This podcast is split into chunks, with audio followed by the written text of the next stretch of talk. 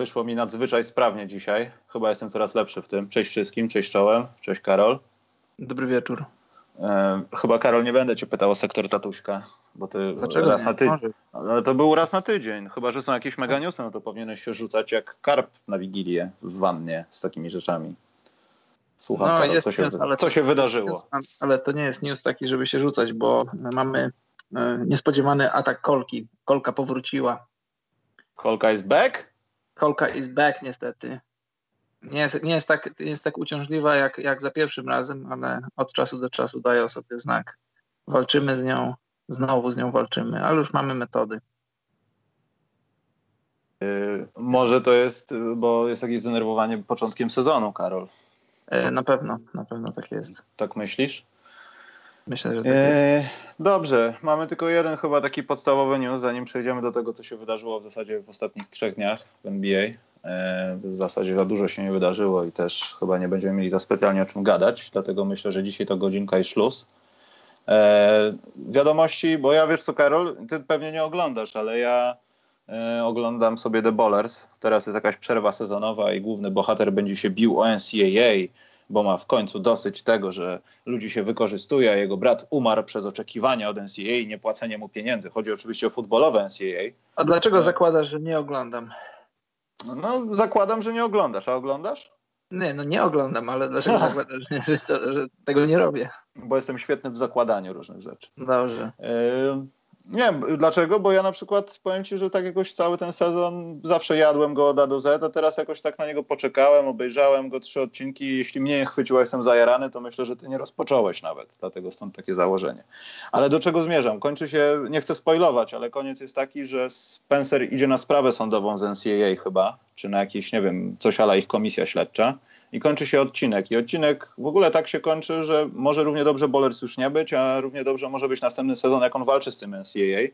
No i podobne rzeczy chyba widzimy z tą sprawą e, dołączenia młodych graczy do po prostu zlikwidowania tego limitu wiekowego i wyciągnięcie ręki do tych najlepszych. Poczekaj, Stasiek Wybraniec rzucił, rzucił donka. Stanisław Wybraniec, witam, pozdrawiam od tak na nowe Dzięki, Stasiek, dzięki. robię Wam się Dziękujemy, 20 Stasiu. złotych. Yy, właśnie, czekamy na prototyp koszulki. Jak to się pojawi, to ten, to tam będą wjeżdżały różne rzeczy do tej piątki nie, nieszczęsnej, naszej szczęsnej. E, Dobra, bo zgubię temat. I NBA, no wiadomo, te ruchy, takie ta cała dyskusja na ten temat, wiadomo, że się będzie ciągnęła. Odwleczono w ogóle wszelką decyzyjność od tego tematu do 2022 roku bodajże. To są wszystko raporty trochę Wojnarowskiego, mało rzeczy jest oficjalnych. Natomiast e, no, wprowadzono tą opcję, że tych, te elitarni, elitarni zawodnicy z high schoolu, którzy zdecydują się podjąć ten krok, że pieprze to, nie chcę, żeby NCAA mnie wykorzystywała, chcę zarabiać pieniądze, mają dostawać do 135 tysięcy dolarów. Znaczy do. To, to pewnie będzie dla takich ludzi jak, nie wiem, pokroju Zion Williamson, który nie chce iść do, Jezu, do, do NCAA. I poprzednio dla tych najlepszych pików, no te, znaczy najlepszych pików, dla jakichś takich młodych zawodników, y, no te wypłaty były wielokrotnie mniejsze. No i tak się, Karol, zastanawiam, czy ludzie, wiesz, jakiś Emoni Bates i tak dalej, którzy teraz mają po 14-15 lat, doczekają tego momentu, że tam się będzie zarabiało znacznie więcej i będą pieprzyć NCAA. Bo to jest to, trochę tak to wygląda, że ch- chcemy z nimi rozmawiać, szanujemy się, high school, AAU i w ogóle NCAA, wszystkie komitety tam całujemy się po pupach, ale na koniec dnia przyciągamy tych najlepszych ludzi, płacimy im pieniądze i chcemy ich wyrwać z waszego systemu. Pokazując, że my będziemy na was zarabiać, macie przyszłość, bo z G League można szybciutko wylądować do NBA. Chyba ci zawodnicy będą brali udział w drafcie. Nie doczytałem tego. Albo będą mieli prawo być, chociaż to też jest dziwna kwestia. E, natomiast no, to jest obietnica, tak? To jest coś, co może być rozbudowane do takich granic, że naprawdę NCAA nie będzie miało racji bytu. A są tam już sensacje, że e, nie pamiętam, chyba Bill, Billa Selfa dotyczyły, że no już zaczyna być coraz większy syf wokół tego wszystkiego, co tam się dzieje i na pewno będą wyciągnięte konsekwencje do końca tego sezonu 18-19. Tam będzie straszny rympał sądowy, że tak powiem. Tak, y, jest to, jest to jakiś ruch NBA, żeby się trochę odseparować od NCAA, bo tak jak mówisz, wokół NCAA jest coraz więcej brudu. Ten brud wychodzi z różnych stron i wychodzą rzeczy, o których my powszechnie wiemy jako fani koszykówki. To, to jest tajemnicą Poliszynela jest to, co dzieje się w NCAA.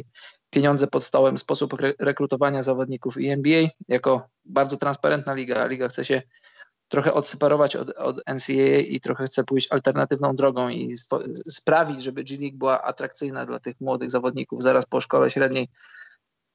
Jest to jakiś ruch, ale to nadal jest, jest maleńki ruch w stronę, w stronę tego, co oni chcą osiągnąć, bo, bo pieniądze pod stołem w NCAA są, były i nadal będą. I dla tych najlepszych zawodników, tych 125 tysięcy dolarów, to jak to podzielisz na cały sezon, w perspektywie całego sezonu, to nie jest aż tak dużo. Jeśli dodasz do tego, że, że granie w NCAA to, to nie jest y, splendor i chwała, bo tych meczów nie ogląda prawie nikt, tych meczów nie pokazuje się tak, jak pokazuje się mecze NCAA. Te hale nie są takie wspaniałe, to są czasem takie hale, że, że biegniesz do ściany, a tam ze ściany wychodzi gwóźdź. Oczywiście przesadzam, ale, ale standardy, w jakich gra się w G League i standardy, w jakich gra się w NCAA, to są, to są dwie różne ligi i naprawdę różnica jest, jest, jest kolosalna. Y, nawet taka prozaiczna rzecz jak, jak podróże między halami, między, między miejscem, w którym trenujesz i mieszkasz, do miejsca, w którym musisz zagrać. To są loty, regularne loty, w których musisz do, gdzieś tam dojechać autobusem, czekać parę godzin na lotnisku. To nie jest tak, jak, jak gracze NCAA mają, że, że tam ptasiego mleka im nie brakuje. I tak jak mówię, w NCAA dużo rzeczy odbywa się pod stołem. To znaczy, jest to tajemnica, o której to jest tajemnica w cudzysłowie, każdy o tym wie, ale Zawodnicy są opłacani, oczywiście nieoficjalnie, mają wszystko, czego potrzebują, więc myślę, że zawodnik, taki, taki prospekt, który ma szansę grać w NBA i kończy szkołę średnią, jeśli nie chce, jeśli, jeśli chce się odciąć od NCAA, to może równie dobrze przyjechać na rok do, do Włoch, do Hiszpanii, do Chin i tam y, odbyć ten przymusowy rok, by zagrać w NBA i też przy okazji dobrze zarobić i też przy okazji wypromować swoje nazwisko, bo w dzisiejszych czasach, w czasach y, internetu koszykarsko jesteśmy globalną wioską i zobacz, taki Luka Doncic nie potrzebował NCAA, wypromował się idealnie. Tak dobrze się wypromował, że był top 5, y, top 7 draftu, więc to jest alternatywa dla młodych zawodników. G League jeszcze nie jest tak atrakcyjna, jak chciałaby być, jak myślę, że mogłaby być, ale jest to jakiś krok w stronę odseparowania się trochę od, od tego coraz większego brudu, który wychodzi. Znaczy, to też nie jest tajemnicą, że ten brud z już wielokrotnie o tym mówiliśmy. No zawsze się tam ciągnął ten smród i film Blue Chips nie był napisany na podstawie jakiegoś, nie wiem, science fiction, bo takie rzeczy się tam zawsze działy, jeśli chodzi o podkupowanie w jakiś sposób albo no, maczanie pieniędzy tam, gdzie pozornie miało ich nie być. E, I w zasadzie zastanawiam się, czy to nie jest taka wiesz, celowa zdrada, no, żeby NBA też nie traciło na swojej fasadowości z NCAA, że to ja zawsze był naturalny krok ku przyszłości dla tego zawodnika. Wszystko jedno, kim on był. A druga sprawa, jednak pieprzymy tych gości, będziemy płacić i będziemy otwierać tą furtkę, której, którą no, czasami zamyka NCAA. No bo wiesz, y, y, co do zasady, studiowanie i granie w koszykówkę to jest jak najbardziej słuszne i jak najbardziej y, powinno się to popierać, bo zawodnik kończy szkołę średnią, idzie na studia i przy okazji gra w koszykówkę. Daje sobie szansę na zdobycie wykształcenia i też daje sobie szansę, otwiera sobie furtkę do grania w NBA. W teorii, co do zasady, to jest, to jest wspaniała idea, tylko my wszyscy wiemy, jak, jak, jak wygląda rzeczywistość, że w rzeczywistości, tak jak mówimy, jest, jest dużo brudu, dużo pieniędzy przepływa pod stołem, poza zawodnikami i dochodzimy do sytuacji, w której w XXI wieku mamy do czynienia, powiedzmy to wprost, mamy do czynienia z niewolnictwem, bo jeśli, jeśli trenerzy drużyn NCAA zarabiają ci najlepsi, zarabiają pieniądze na poziomie trenerów NBA, jeśli obiekty sportowe najlepszych, najlepszych uniwersytetów to są, to są takie obiekty, o których wiele państw, państw jako, wiesz, jako jednostek może tylko pomarzyć, no to, to, to, mamy, to mamy obraz jakiegoś utopijnego imperium, na którym zarabiają wszyscy, oprócz tych, którzy generują te pieniądze, czyli zawodników.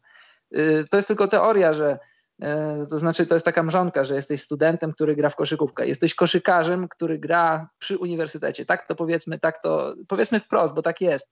Pamiętasz, wiele lat temu Charles Barkley był zapytany, bo on studiował na Auburn Hills i zapytali go, y, czy, czy Auburn to jest, to jest dobra uczelnia. On powiedział, jak on to powiedział? On powiedział, e, czy nie, czy trudno było tam studiować? On powiedział, tak, 20 punktów, 10 zbiórek wystarczało, żeby zdawać egzaminy.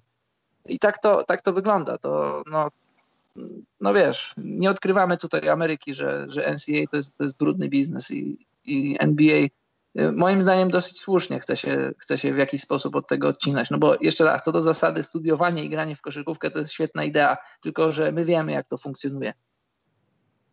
Oczywiście i pomijając tą całą kwestię, to jeszcze mamy tą sprawę poboczną, o której trochę z Karolem wcześniej rozmawialiśmy, że na kanwie tego już pal 6 tą obietnicę, wyciąganie, prospekty, to wszystko, co jest wokół tego, no to mamy jeszcze Ligę Kobiecą, która wszystko jedno, czy słusznie, czy niesłusznie, zacznie być, zacznie być też powodem do dyskusji. No słuchajcie, my jesteśmy kobietami, no może ta popularność i kontraktowanie, zarabianie pieniędzy w tej lidze samo przez ligę jest może, może nie na pewno, ale znacznie, znacznie mniejsze. No ale my też mamy coś takiego jak Collective Bargain Agreement i my zarabiamy 30, bierzemy z tego 30%, faceci biorą 50%. A już do tego wystarczy tylko dołożyć no, kwestie równouprawnienia w Stanach, y, feminizm i tak dalej i dojdzie do tego, że będzie jakiś lockout w WNBA, bo tam się raczej pieniędzy więcej nie pojawi.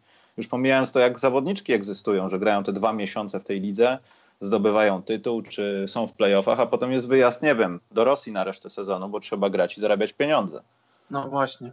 I ciekawe, czy, czy to też będzie jakaś, bo w Stanach to te dyskusje rosną właśnie z takich niepotrzebnych powodów i myślę, że to tam się na pewno stanie, kiedy dojdzie do tego pierwszego podpisu tego zawodnika, który no, będzie miał 19 lat, 18 lat i będzie chciał już nie próbować w NCAA. Jestem ciekaw, jak to się rozniesie.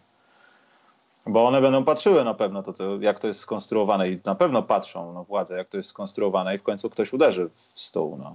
Tak mi się to wydaje. prawda temat odnośnie kobiecego NBA to jest, to jest temat bardzo delikatny i złożony i też chyba kiedyś, e, no znaczy nie chyba, na pewno poruszaliśmy ten temat. E, ja co do zasady jestem za równouprawnieniem. Jeżeli wiesz, e, to, że mężczyźni i kobiety różnią się od siebie, to wiemy. To jest tak zwany dymorfizm płciowy, o którym mówiliśmy. Nie zaczynaj, się, Karol, nie zaczynaj nawet. Różnimy się, różnimy się od siebie i, i, i nie jesteśmy, nie, jedna płeć od drugiej nie jest lepsza, po prostu jesteśmy inni. Z różnych przyczyn sport w wykonaniu kobiet nie jest tak atrakcyjny jak sport w wykonaniu mężczyzn. I czego by kobiety nie zrobiły, choćby stanęły na głowie, choćby nie wiem jak promowało się kobiecą koszykówkę, to kobieca koszykówka w wydaniu e, takim, takim jako, jako produkt nigdy nie będzie się sprzedawać tak jak kobiece, tak jak męż, męskie NBA, nigdy męski basket nie będzie się, nie będzie tak się promował, znaczy nigdy nie, kobiecy basket nie będzie tak się promował jak męski, bo no nie oszukujmy się, nie jest tak atrakcyjny, nie jest tak fizyczny, a, a to jest coś, czego potrzebujemy w, sporcie. Jeżeli ja siadam na kanapę i chcę oglądać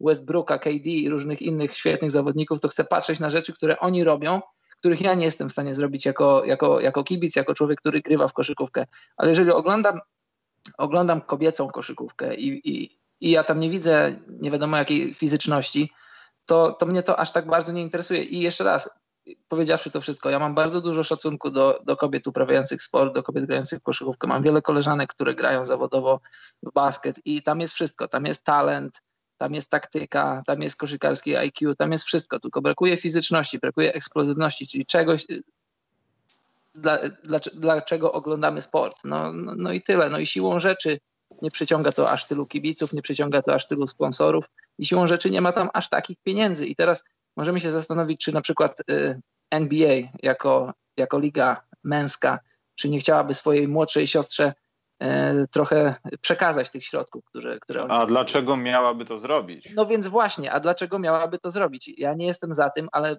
być może ktoś poruszy taki temat i ktoś będzie za tym. Ja akurat nie jestem za tym i ja, ja rozumiem, że, że kobiece wydanie NBA y, ma problemy, ale te problemy z czegoś wynikają bo w założeniu kobieca NBA miała być trochę alternatywą od, e, to znaczy wypełniaczem czasu między, w przerwie międzysezonowej. I wiesz, jak pójdziesz na halę i, i oglądasz ten mecz, no to on cię wciąga. nie no, pamiętam czasy lokautu i wiesz, no niestety, jak jakiś narkoman no, z braku laku chcesz obejrzeć jakiś kontest, tylko tak jak powiedziałeś, tutaj no, są kłopoty płaszczyzny popularnościowej, bo nie wiem, jakie są badania na ten temat, no ale za, za, weźmy pod uwagę, że nie wiem, jesteś dziewczyną, która interesuje się koszem i oglądasz. Ile jest takich dziewczyn, które, już nie mówię w sposób globalny, ale nawet w warunkach amerykańskich interesuje się i w ogóle mężczyzn. Ile osób interesuje się tą ligą, wiesz? Dla kobiety to jest łatwiej, która interesuje się koszem, bo masz swoje idolki i tak dalej. No facet nie do końca. Może tak no właśnie, właśnie o to chodzi. No i to jest, tak jak mówię, temat jest, temat jest naprawdę bardzo interesujący i bardzo złożony, już nie tylko w aspekcie sportowym, ale takim czysto społecznym i no ja nie, nie wiem, ja nie mam jakiegoś idealnego rozwiązania na, na to, jak, jak sprawić, żeby, żeby koszykarki czuły się bardziej doceniane. No nie wiem, moim zdaniem, skoro mamy wolny rynek i ludzie mogą oglądać to, co chcą, no to, to, to rynek wyznacza to, jaki poziom zainteresowania jest w danych, w danych eventach sportowych. Cóż więcej mogę powiedzieć. A na dowód, a na dowód tego, że. Po że prostu trzeba lubię, puszczać tylko w krawatach. Po prostu. Tak, y, tylko w karawatach i w garniturach. A na dowód, że bardzo lubię i cenię czeski, nie czeski, tylko kobiecy sport. Nie mówię czeski, bo to było w Czechach. Y, W zeszłym roku byłem na finałach Euro basketu kobiet i bardzo mi się podobał i tu wrzucam link, jak ktoś by chciał rzucić okiem. Bo tak jak mówię jeszcze raz, mam bardzo dużo szacunku dla kobiet grających w koszykówkę, bo, bo wiele z nich znam i wiem, jak ciężko pracują, wiem, jak dobre są w koszykówkę. No ale ten poziom fizyczności to jest poziom, którego się nie da przeskoczyć. Choćby nie wiem jaką techniką, choćby nie wiem jaką taktyką, choćby nie wiem jakim koszykarskim IQ, no to tej fizyczności nie da się przeskoczyć i, i tyle. Dobrze. Brzydko mówiąc, pozostając w temacie kobiet, e, wchodzimy do startu sezonu. Ja bym, Karol, może, może zatrzymał się bardziej przy minusach e, niż przy plusach. Plusy sobie na koniec weźmiemy, ale a propos kobiet, no to pogadajmy o tych najgorszych chwilach, które widzieliśmy przez te trzy dni. Dla mnie najgorszą chwilą to był oczywiście wczorajszy dzień i zobaczenie tego, na co stać Chicago Bulls.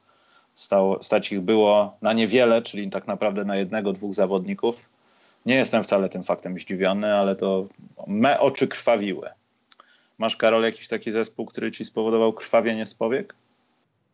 Zespół jako zespół to może nie, ale me oczy krwawiły, gdy widziałem, jak Drew Holiday miał na głowie, ja wiem, nie wiem jak to nazwać, jakąś taką opaskę, taką jak, jak, film, jak, jak w filmach karate czasem zawodnicy mają. Nie wiem, czy to ma jakąś swoją nazwę, ale chciałbym, żeby, żeby liga nie szła tą drogą. Chciałbym, żeby to było zabronione. Jeśli grasz w opasce, to graj w takiej opasce frotę normalnej, tradycyjnej, no bo jeżeli to jest coś, co jest dozwolone, jeśli to jest krok w stronę tego, że na głowie będzie można nosić różne rzeczy, no to mi się to nie podoba. Może jestem zbyt konserwatywny, ale nie podoba mi się to. A Karol, sportowe minusy?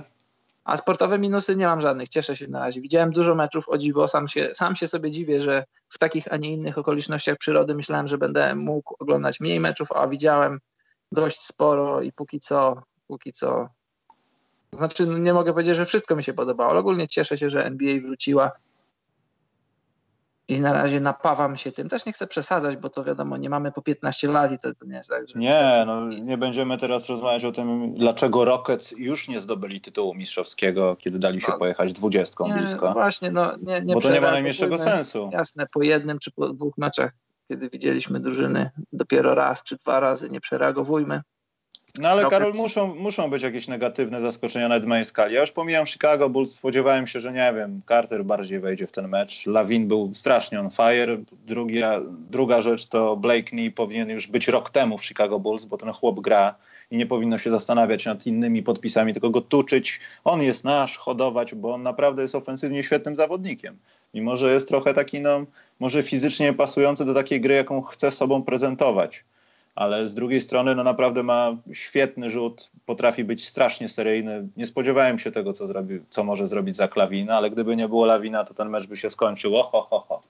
I warto nadmienić, że Filadelfia nie gra takiej bajecznej koszykówki, no i to też pokazuje, gdzie są Chicago Bulls, na szczęście w tym Nie, sezonie. no ale, ale nie, nie, nie przesadzajmy, bo mówisz, że Filadelfia nie gra bajecznej koszykówki, no ale jednak jest różnica klas między Chicago, bo Filadelfia gra o wyjście, o wyjście ze wschodu, no Filadelfia gra o, o mistrzostwo, ich, ich poprzeczka Ja rozumiem, ale-. Ale Karol, oni, dla mnie to alegorią tego, co pokazuje, pokazała Filadelfia w dwóch ostatnich meczach, jest to, nie wiem, może to jest moja obserwacja jakaś błędna albo uprzedzenie, ale to, co robi Markel Fultz, jeśli chodzi o podania. Zauważyłeś, że gros tych jego asyst, może to jest tak po prostu, że tak to wygląda w telewizji, albo tak ma wyglądać, ale Markel Fultz ma takie momenty, kiedy wchodzi na przykład pod kosz, jest powiedzmy tak gdzieś na tym takim wczesnym łokciu, powiedzmy to zaraz przed osobistymi prawa, lewa strona i on nie podaje komuś piłki na róg, tylko ją oddaje. I to trochę tak wygląda, że ach, będę znowu rzucał, ale mam coś nie tak z techniką, ktoś mnie kryje, dobra, oddam tą piłkę. I faktycznie to wygląda tak, że ten, to jest celowe, ten gość jest wolny, on gdzieś tam spojrzał, wychodzi jakiś lekki no-look, ale te jego podania wyglądają na, e, no na takie właśnie, wiesz, pozbywanie się bardziej piłki niż podawanie. I to trochę Wiesz co, ja wygląda, tak wygląda trochę Filadelfia, wiesz, że nie, widać, że nie grają na pół gwizdka, znaczy na, na, na 100%. Widać to, że to też nie ma sensu grać teraz na 100%, ale widać to, że mają takie momenty jak z Chicago, że a jak z Bostonem, że nie wiedzą, co mają zrobić. Wiesz co, ja Simmons? myślę, ja, ja mam dobrą radę dla, dla Marka Fulca, jeśli nas słucha. on powinien się zgłosić do Lebrona i on, on, on powinien mu zaproponować jakiegoś dobrego psychologa sportowego. Bo po finałach 2011, w których LeBron zaliczył blamasz, on później wrócił. Wrócił nie, no, nie, fizycznie, nie fizycznie, bo fizycznie zawsze tam był, ale wrócił przede wszystkim psychicznie. Ja jak patrzę na Fulca, to mi się wydaje, że w jego głowie zachodzi tyle różnych procesów myślowych, że on po prostu, jak, jak w tej reklamie Wade'a, z, to jest reklama Gatorade'a chyba, pamiętasz co, po lewej stronie on ma takiego złego Wade'a, po prawej stronie ma dobrego Wade'a. Tak, jeden, tak, tak. Jeden mu podpowiada skończ layupem, drugi skończ wsadem i, i Wade'owi głowa pulsuje od tych myśli. I jak patrzę na Fulca, to też mi się tak wydaje, że Fulcowi głowa pulsuje od tych myśli. On ma tak presję tego, że był e, że był wysokim numerem draftu i ma słaby sezon za sobą, że ma kontuzję, że ma jakiś uraz psychiczny, który nie pozwolił, znaczy zabrał mu pewność siebie, jeśli chodzi o oddawanie rzuców. On powinien, znaczy to jest łatwo powiedzieć, on powinien spróbować jakoś odciąć się od tego wszystkiego i po prostu grać swoje, grać swój basket, żeby nie myśleć aż tak dużo. Myśleć to, co się dzieje w danym momencie, w danym czasie meczu, a nie myśleć o nagłówkach gazet, nie myśleć o tym, że, że ktoś będzie go krytykował, bo zawsze go ludzie będą krytykować, nie tylko jego, każdego. Po dobrych meczach czy po słabych zawsze się znajdzie ktoś, komu coś nie pasuje. Ale wiesz co, powiem ci, że tak, ja wiem, że ten symbolizm, który tam był pokazywany w mediach a propos Fulca, wiesz, w zeszłym sezonie, e, ta sławna dyskusja, dlaczego najlepszy wybór w drafcie nie trzyma piłki podczas zdjęć na media day, tylko robi to Lonzo. Była taka opcja. I, no wiesz, to, to już jest wiesz, trochę. Do, no ja wiem, ale to jest trochę dorabianie materiał, teorii do poczekaj, czegoś. No po prostu, poczekaj. ale ja wiem, ale ktoś, no ja rozumiem, ale ktoś wiesz. Ale ktoś potem jest, ale poczekaj, to jest ważne. Potem jest materiał podczas draftu, kiedy Markel Fultz siedzi tam chyba z matką czy z ciotką, nie pamiętam, i mówi, że tak, tak, ja zawsze starałem się być najlepszy, ja zniszczę tych ludzi. No tradycyjna rozmowa gościa, który jest przygotowany do bycia najlepszym pikiem i jest, jest bardzo koki, wiesz, że musi powiedzieć. I jednocześnie dzieje ci się coś takiego, że nagle dostajesz kontuzji i tak naprawdę twój rzut, rzut jest w śpiączce. Po prostu zniknął. Miałeś go trochę wcześniej, a teraz go po prostu nie masz. I wiesz, i to działa na głowę. Opowiadasz ludziom różne rzeczy, nagle dzieje się kontuzja i masz świadomość tego, że powiedziałeś niektóre rzeczy, a ty dalej nie możesz się odblokować, żeby te rzeczy znalazły swoje odzwierciedlenie w prawdziwym życiu, a nie tylko w gadce. I myślę, że w tym jest największy problem, że ten sposób, no nie wiem, no, tego wreszcie poznania prawdziwego Fulca, no trwa dalej. I no niestety wiesz, będzie trwał długo, myślę. No też patrząc na, na mowę ciała Fulca, zwróć uwagę, na pewno zwróciłeś uwagę, zresztą jak byliśmy w Londynie, to patrzyliśmy na niego, on wydaje się, że on w ogóle nie ma radości z grania w koszykówkę. Widziałeś kiedyś no, Fulca? Z życia chyba nie ma radości, on wygląda jakby nie, Aż tak daleko nie, nie ma sensu. Ale no właśnie, ja nie, nie, widzę, nie widzę jakoś radości z, u niego z grania w koszykówkę. Pomijając to, że nie widać żadnej radości z twarzy Markela Fulca, czasami jest jakiś uśmiech. No. No ale nic, mm.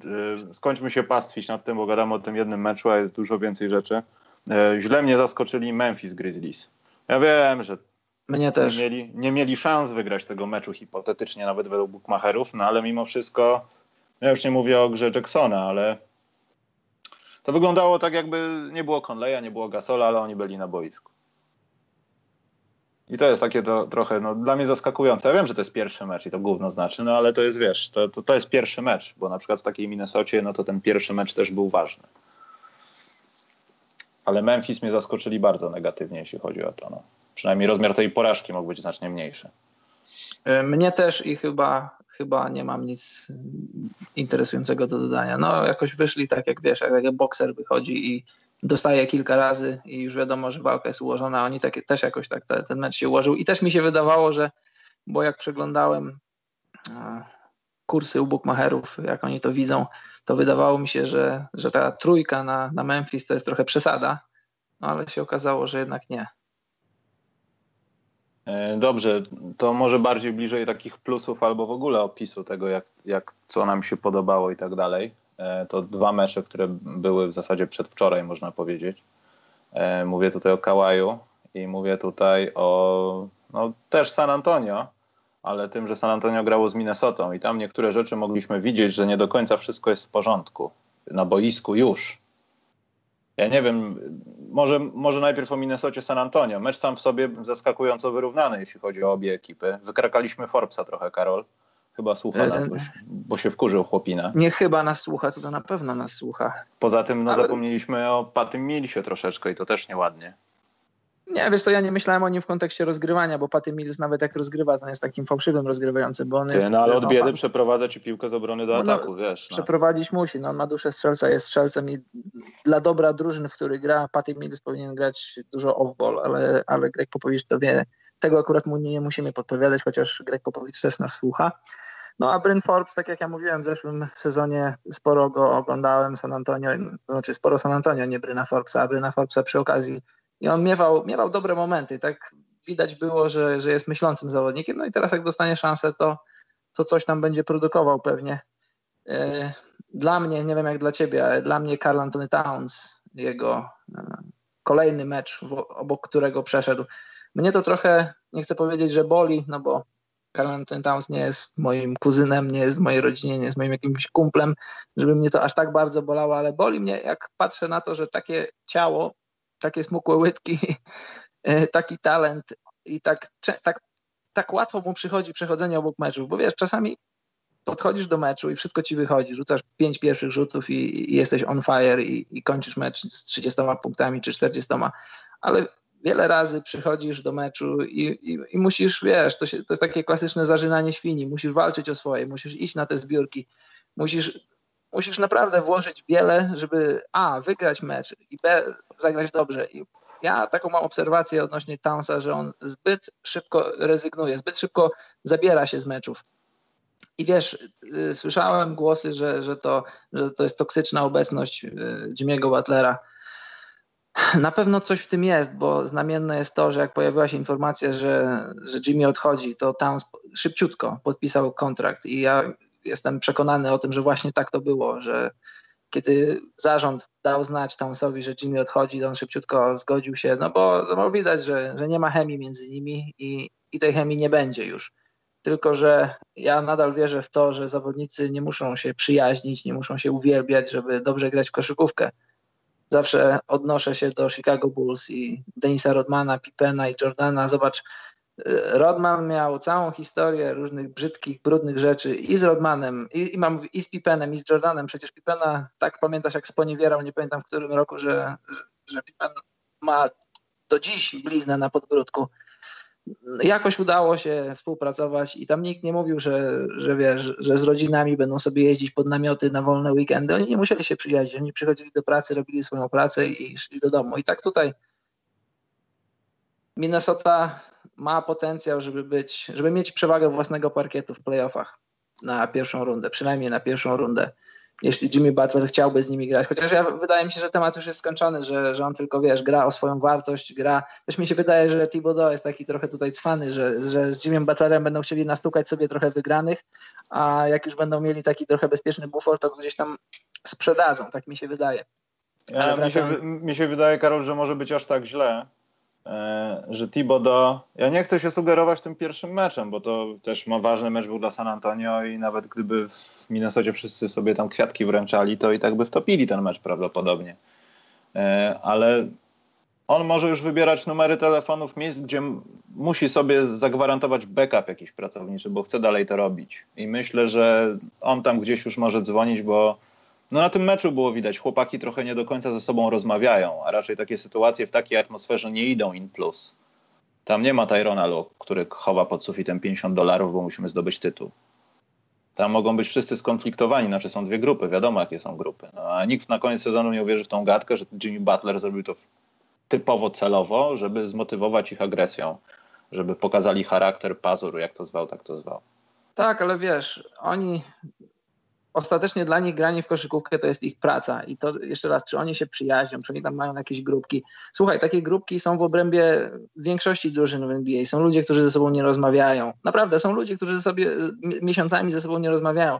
Jak miałem okazję kilkanaście, czy już nawet ponad 20 razy być przed meczami, czy po meczach w, w szatniach drużyn NBA, to naprawdę tak jest. Zawodnicy tworzą małe grupki. Nie ma tak, że wszyscy ze wszystkimi rozmawiają, wszyscy, y, to znaczy zdrowo działające drużyny, jasne, tworzą jedność, ale nawet w obrębie tych zdrowo działających drużyn są ludzie, którzy, którzy jako ludzie, nie mówię jako zawodnicy, ale jako ludzie, lubią ze sobą przebywać a z innymi trochę mniej. Nie mówię, że nie lubią, ale trochę mniej lubią przebywać. I to, to jest naturalne, więc jeżeli dla mnie kwestią jest najważniejszą jest to, czy potrafisz te wszystkie chore gierki zostawić w szatni, zostawić poza parkietem i na boisko wyjść i grać. No bo zobacz, Kobe Bryant i Shaq O'Neal przez, przez lata nie lubili się. Od, w zasadzie, nie wiem, może tylko w pierwszym roku grania razem, czy w dwóch pierwszych latach, jak byli obaj młodzi i, i, i pełni różnych, różnych ideałów, to, to może wtedy się, się znosili, ale później się szybko okazało, że, że podejście do życia, podejście do treningu i w ogóle filozofia rozumienia koszykówki jest, jest yy, bardzo inna w wykonaniu Iszaka i Kobiego i później ta, ta, ta niechęć nawet przerodziła się w nienawiść, co nie przeszkadzało im w wygrywaniu meczów i w zdobywaniu tytułów. Więc uważam, że nie jest to niemożliwe. A, a sprawa w Minnesocie jest, jest, bardzo ciekawa, bo dla mnie, jeszcze raz mówię, Towns, jego, jego sposób podejścia do meczów i tak mi się wydaje, że, że Jimmy trochę ma, trochę ma racji w tym, jak, jak widzę, jak widzę Wigginsa i Townsa niewątpliwe talenty, niewątpliwe wielkie osobowości, które potrafią przechodzić obok meczów jak, jak juniorzy. To trochę mam z tym problem. Okej, okay. E, dobrze. Jeszcze zostajemy trochę w tym maratonie e, środowym teoretycznie. E, Brooklyn.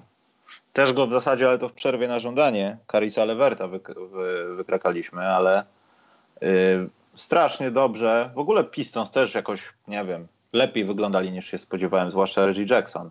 Chociaż też można było się więcej spodziewać po nim, e, bo trochę głupot narobili. No to Nets tak po cichu to będzie chyba ciekawa drużyna na wschodzie. E, bardzo dobrze pokazuje się ten ich center drugoroczny. Levert naprawdę będzie świetnym gościem, jeśli znowu się nie rozsypie i nie będzie miał jakichś kłopotów z tą piętą, a to się potrafi bas grać jakoś tam w ciągu swojej kariery, jeśli bardzo jesteś takim gościem jak Levert, no, że atakujesz cały czas kosz, pracujesz praktycznie cały czas gdzieś w powietrzu, skaczesz i jesteś cały czas w jakimś takim punkcie ruchu, e, to Boston, Boże, to Brooklyn może po cichutku gdzieś tam, wiesz, wykorzystać walkę tych najlepszych, zamieszanie w środku tabeli i możemy ich zobaczyć ku zaskoczeniu w playoffach.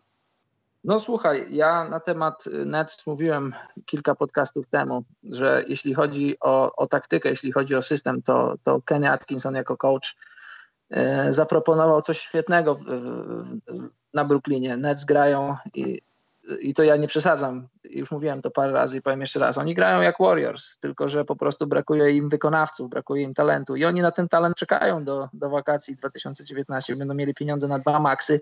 I jeśli ktoś ogląda Nets, to to jest nowoczesny basket, basket XXI wieku, gdzie chodzi piłka, gdzie zawodnicy biegają, switchują, zmieniają pozycję, rzucają za trzy punkty. Tylko jeszcze raz, brakuje im wykonawców. Wiesz co, jeśli chodzi o taką walkę, e, no taką zdrową walkę o playoffy, to myślę, że Nets mogliby gdzieś tam tak zwanym psim swędem zrobić to ósme miejsce, tylko że wydaje mi się, gdybym ja był e, Marksem, czyli GM-em Nets, to ja bym mocno zatankował w tym sezonie, bo no bo wiesz, wchodzisz do playoffów i grasz 4, może 5, chociaż myślę, że myślę, że akurat wbrew pozorom seria Nets z Bostonem, gdzie dość podobne filozofie grania w koszykówkę, że to byłaby super seria, bardzo ciekawa mogłaby być, no ale ostatecznie grasz 4 czy 5 meczów i masz, masz wakacje, i, ale nie dajesz sobie szansy bycia loteryjną drużyną. I ja myślę, że w ich interesie powinno być, żeby mocno zatankować, żeby teraz tak, y, zaczynasz wakacje 2019 i masz dwa maksy do wydania i jakiś wysoki, wysoki pik. I naprawdę spójrz, gdybyś spojrzał teraz, to jest Brooklyn, to jest Nowy Jork, to są pieniądze do wydania i to jest jakiś prospekt z top, powiedzmy, nie wiem, 3, top 5. Jeśli jesteś jakimś e, wolnym agentem, dajmy na to tym Jimmy Butlerem, o którym za dużo mówimy, no to myślisz sobie, ha, to myślisz sobie, ha, jesteś w Nowym Jorku, jesteś w dobrym systemie, bo, bo ten system jest naprawdę dobry i Brooklyn Nets naprawdę są atrakcyjnym, atrakcyjnym klubem, w, oczywiście w atrakcyjnym Nowym Jorku do grania, więc e, to jest coś. Nowy Jork, to znaczy Brooklyn to jest, to jest coś. Poza tym, Karol, no też ja myślę, że aż tak głęboki tanking chyba w tym sezonie, pamiętajmy, no 19 to będzie nowa loteria, nowe podziały procentowe. To Nie tak. trzeba będzie aż tak głęboko, wiesz, się poniżać, że tak powiem, żeby wyciągnąć dobry pik. Aczkolwiek y, no my jeszcze te moki mamy bardzo mało rozbudowane, ale no wiesz, Cam Reddish, y, cała załoga nowa z Duke'u. Mówię o tej trójce z Zionem. Y, to może być ta trójka, a reszta to jak się uda, bo ta klasa wcale nie wygląda jak na razie porywająco, super porywająco. Zresztą jak każda ostatnia. No tam są ludzie jak, nie wiem, w tym roku Doncic, ale nie spodziewajmy się cudów, myślę. No. I to też jest ciekawe, wiesz, no te trzy pierwsze, trzy ostatnie drużyny mają dostać po 14% szans, więc ty możesz być od biedy piąty albo szósty na tym wschodzie. I, i po prostu grać na tyle dobrze, żeby wszystkich hodować, dawać im grać, dawać minuty, dawać, dostać w pierdziel od Lebrona czy od kogoś i po prostu grać, ale mimo wszystko, no tak jak powiedziałeś, starać się tankować, tylko żeby to było, wiesz, no dwunaste miejsce na wschodzie powiedzmy, albo dziesiąte, jedenaste, nie wiem. Y, nie, no jasne, no bo, bo tankowanie to nie jest y, podkładanie się i dawanie piłki i mówienie macie, wygrajcie sobie z nami. Drużyny, które tankują, które robią to dobrze, grają umiejętnie, ogrywają zawodników, grają swój system, tylko później delikatnie w ostatnich pięciu, ostatnich czterech minutach meczu robią takie rotacje, trenerzy robią takie rotacje, że, że meczów nie da się wygrywać, no bo trzeba podkreślić, yy, zawodnicy nie tankują, to znaczy najlepsi mają to gdzieś, chociaż nie chcą, nie chcą brać w tym udziału, co do zasady. Mhm. Ale zawodnicy średni, czy zawodnicy tacy na dorobku, oni nie tankują, bo oni wiedzą, że czym jest tankowanie. Tankowanie jest tym, żeby mieć jak najlepsze miejsce do draftu, więc jeżeli tankujesz, to teoretycznie grasz przeciwko sobie, bo jeżeli jesteś takim Spencerem Dinwiddiem i jeżeli ty świadomie tankujesz, a być może jesteś jedną nogą poza klubem, jesteś jedną nogą poza NBA, no to trochę y, bez sensu byłoby robić coś przeciwko swojej własnej karierze, więc Zawodnicy nie trenują, znaczy co do zasady w większości nie trenują, nie tankują, tankują organizacje i, i trenerzy. E, dobrze. Karol, e, co powiesz na temat Mobamby i w ogóle Orlando Magic i w ogóle, że Aaron Gordon żyje i że pobili że Miami, Aaron, które nie jest takie e, super. Tak. Bardzo się cieszę, że Aaron Gordon żyje. Kibicuję mu w zasadzie od kiedy przyszedł do NBA, a kibicuję mu jeszcze bardziej od kiedy miałem okazję z nim rozmawiać na żywo i był bardzo, bardzo zabawnym gościem. I cieszę się, że, że dostał ten kontrakt. Cieszę się, że teraz już może z czystą głową, z taką głową już tylko skupioną na graniu w koszykówkę, skupić się na, na, na, na swojej karierze. Bo to zawsze jest tak w tych pierwszych trzech latach, kiedy zawodnik przychodzi do NBA, szczególnie wysoko notowany, i on ma trzy lata, żeby przekonać włodarzy klubu do dodania mu dużego kontraktu. On to teraz już ma za sobą. Teraz już powinien skupić się tylko na poprawianiu swojej gry, bo ja uważam, że, że Aaron Gordon to jest zawodnik formatu All-Star. I czy on będzie robił te All-Stary, czy nie, to, to zależy już tylko i wyłącznie od niego. I taki mecz, jak widzieliśmy, ten pierwszy przeciwko Miami, to, to, to moim zdaniem to może być coś, co będzie, będzie jego normą. To nie, będzie, to nie będzie tylko Y, wybryk raz na 10 meczów, raz na, raz na tydzień, raz na dwa tygodnie, tylko regularnie Aaron Gordon może produkować takie liczby, jakie wyprodukował przeciwko Miami. Mobamba fajnie, cieszę się, bo też miałem okazję, znaczy nie miałem okazji na żywo, ale miałem okazję słuchać kilku wywiadów, których udzielił latem, y, przeczytać, usłyszeć i wydaje mi się, że, że jest gościem, który ma bardzo poukładane w głowie i też zacząłem mu kibicować tak, tak, tak po ludzku. Cieszę się, że miał dobry debiut. E, a co powiesz o debiucie dwóch najlepszych? Teoretycznie nie według wyborów w drafcie, ale mówię tu o Dallas Phoenix. Ayton zagrał w zasadzie tak, jak nakreślaliśmy, że może grać. Jak może grać, gość po 40, dokładnie. Jak e, e, czarny Bart Reynolds, no wiesz, zagrał poprawnie, to znaczy jeśli chodzi o liczby, zagrał poprawnie, bo jak ktoś oglądał mecz, ten widział, że, że bardzo gubił się w obronie, ale to jest, wiesz, to nie możemy, nie możemy za bardzo go krytykować, no bo jest młodym chłopakiem w pierwszym meczu w zawodowej koszykówce, no to miał prawo się gubić. No, ale myślę, że te liczby, no chyba nie mógł wymarzyć sobie lepszego debiutu. Ile? 19 punktów, 10 zbiórek, 6 asyst, coś takiego. To jest coś, co myślę, że powinien brać w ciemno. Doncic, Doncic jak to Doncic, my wiemy jak Doncic gra. Kluska. No wiesz, może kluska, może nie. Ja nie, ale fajnie. To przede wszystkim ten mecz był trochę taki w takiej radosnej atmosferze, wiesz, tak. Y, meczu gwiazd. To w czwartej kwarcie ustalimy wszystko, chłopaki, ale na razie sobie popykajmy. I tu uśmieszki, tu wiesz, to, to takie przygrywanie do tego, co się może stać. Wiadomo, dzieje się różnie, hashtag Antony Bennett, ale tutaj się tego nie spodziewajmy. Kontuzje, cokolwiek, Grekoden ale no, mamy perspektywę tego, jak ci panowie będą się bawili, bawili przez najbliższe 5 lat, jeśli wszystko dobrze pójdzie. I to tak na pewno zagrania z tego pierwszego meczu będą w highlightach obu tych facetów, bo no, widać było tą taką akcję, że a, sprawdźmy siebie, wiesz, tankujemy na tym zachodzie. My niby coś tam może w tych playoffach, my niekoniecznie, ale pograjmy sobie, porzucajmy. Fajnie to wyglądało, naprawdę. Jestem ciekaw, jak Phoenix będzie się prezentowało z Golden State, a to będzie chyba niedługo, nawet nie wiem, czy dziś w nocy. Dobrze, Karol, nie będziemy mówić o Sacramento Kings, bo ja w pierwszej kwarcie się już zakochałem, ale potem rzuciłem ich bardzo szybko. Stało się to, co się stało. Cię kupiła. Tak, tak, dokładnie. Ale pierwsza kwarta wyglądała fenomenalnie. Uwierzyłem, że to dobrze, że zabrałem Bartkowi Tomczakowi Darona Foxa. To był bardzo, a potem już dalej się cieszyłem, że go mam, ale Sacramento jest dalej trochę nigdzie. E, ale to, tak jak mówiłeś, oni muszą chyba już naprawdę głęboko tankować ten sezon, też będą traktowali jako rozbiegówkę. E, Kings nie tankują, bo oni nie mają piku. Oni, no, wiesz... Wiem, ale mentalnie mogą tankować. Oni mają wyboru, mają Diwacza i Wiwka i wiesz, i to już jest mentalne tankowanie, to jest stan umysłu. Nikt im nie powiedział, że nie można, wiesz. No, może oni nie wiedzą, że... Może Pani kierowniczko, ja palę przez cały czas. No i oni przez cały czas tankują. E, dobrze. Karol, ostatni dzień, zaraz będziemy rozmawiali o Lebronie, chwilę też o sędziach, ale y, chciałem pogadać o, w zasadzie to jest back to back dla Miami Heat. Znowu mecz w końcówce, bo tamten, y, no też powiedzmy w jakiejś końcówce został umoczony. Tutaj w bardzo wyraźnej końcówce i Kali Olinik ich uratował. Tam trochę dyskusyjna sprawa, sprawa, kto kogo z Miami pociągnął za rękę, z Waszyngtonu znaczy. Jak Karol odebrałeś Johna Walla? Bo ja mam strasznie zły odbiór tego gościa po tym meczu. Y, słuchaj, Michał, powiem szczerze, akurat tego meczu nie oglądałem. Widziałem tylko highlighty i statystyki, więc nie mogę się wypowiedzieć. Ja też mam, też nie mam e, super rewelacyjnego zdania na temat Johna Walla, ale to, to nie od wczoraj, nie od przedwczoraj, tylko od bardzo, bardzo dawna. Ogólnie rzecz biorąc, wiesz, Karol, no John Wall zawsze tam no, był prędzej tym zawodnikiem, który kogoś sprowokuje, niż tym, który będzie czekał na sprowokowanie w wiadomo w jakich sytuacjach. Nie mówię tutaj o związanych z koszykówką. No i zauważyłem kilka takich spraw, zwłaszcza nie pamiętam, chyba Smith był faulowany, ktoś z nim był na ziemi. Eee, nie pamiętam o którego zawodu, chyba o Derricka Jonesa chodziło. I Derrick Jones stał jakoś tak nad zawodnikiem z Waszyngtonu. Chyba to był właśnie Smith, nie pamiętam. No nieważne, było dwóch zawodników z przeciwnych drużyn na parkiecie. I wiadomo, no, robi się tłum, jeden drugiego chce podnieść, tego typu sprawy. I nagle Jones stoi, nie wiem, czy zahaczył niechcący Billa, który był za jego plecami, bo on tego chyba nie widział i nagle wbiega w niego John Wall i coś tam mówi, wiesz, klasyczne, wiesz, bragowanie się dwóch czarnoskórych gości z ciemnej ulicy, wiesz. Widać było po ruchach ust, że nie mówi konkretnych rzeczy, tylko same przekleństwa.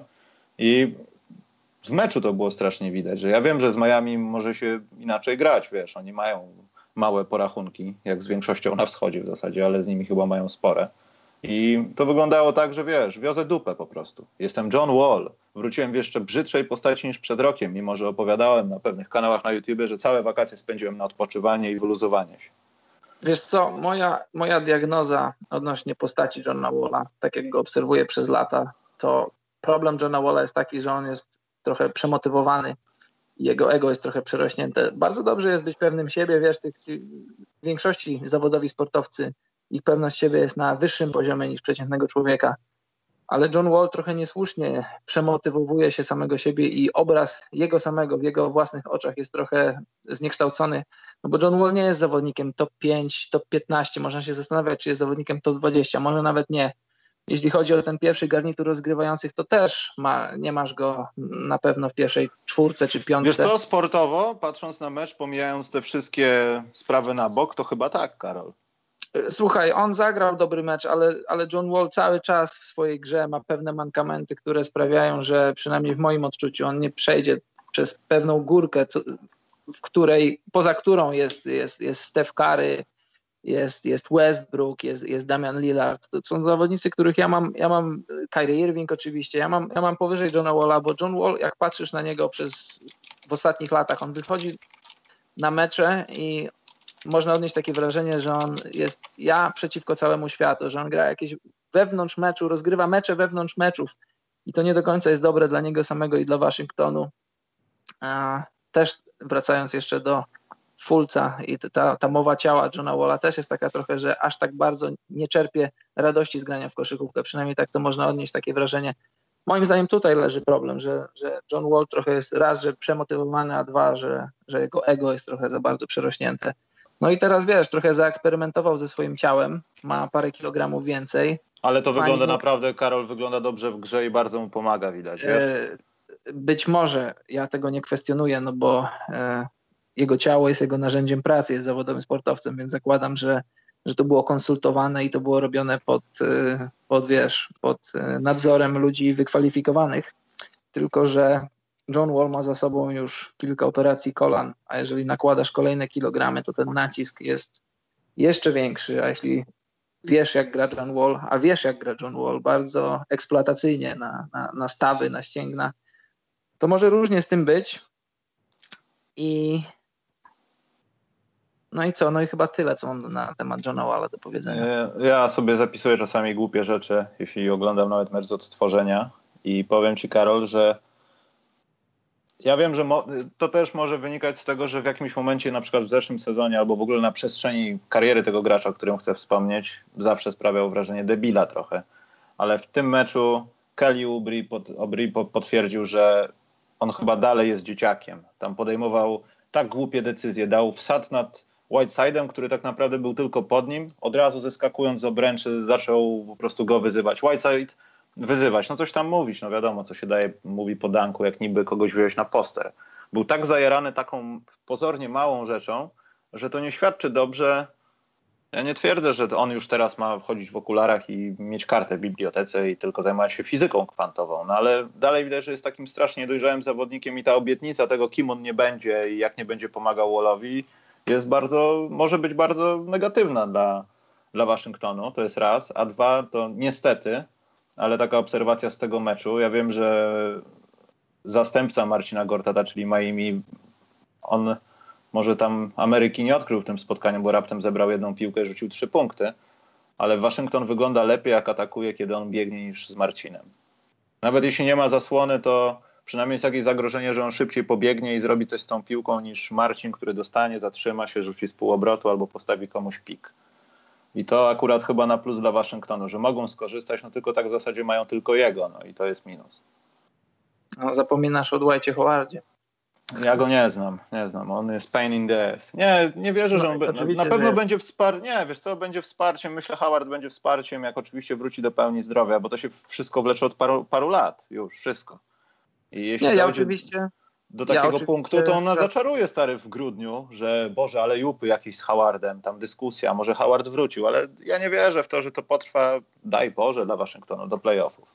Nie, Michał, ja też nie wierzę. Oczywiście żartuję. Drużyny, w których gra Dwight Howard, historycznie nie wygrywają od, od wielu lat. W zasadzie drużyny, w których grał Dwight Howard, przestały wygrywać, kiedy odszedł z Orlando, kiedy zaczął mieć problemy z plecami, z kolanami, no i też z głową ze swoją mentalnością, ze swoim podejściem do, do życia, do gry w koszykówkę. A wracając do Kelly Oubriego, ja też, ja też mam z tym problem. Ja ogólnie mam problem z ludźmi, którzy próbują się kreować na kogoś, kim nie są.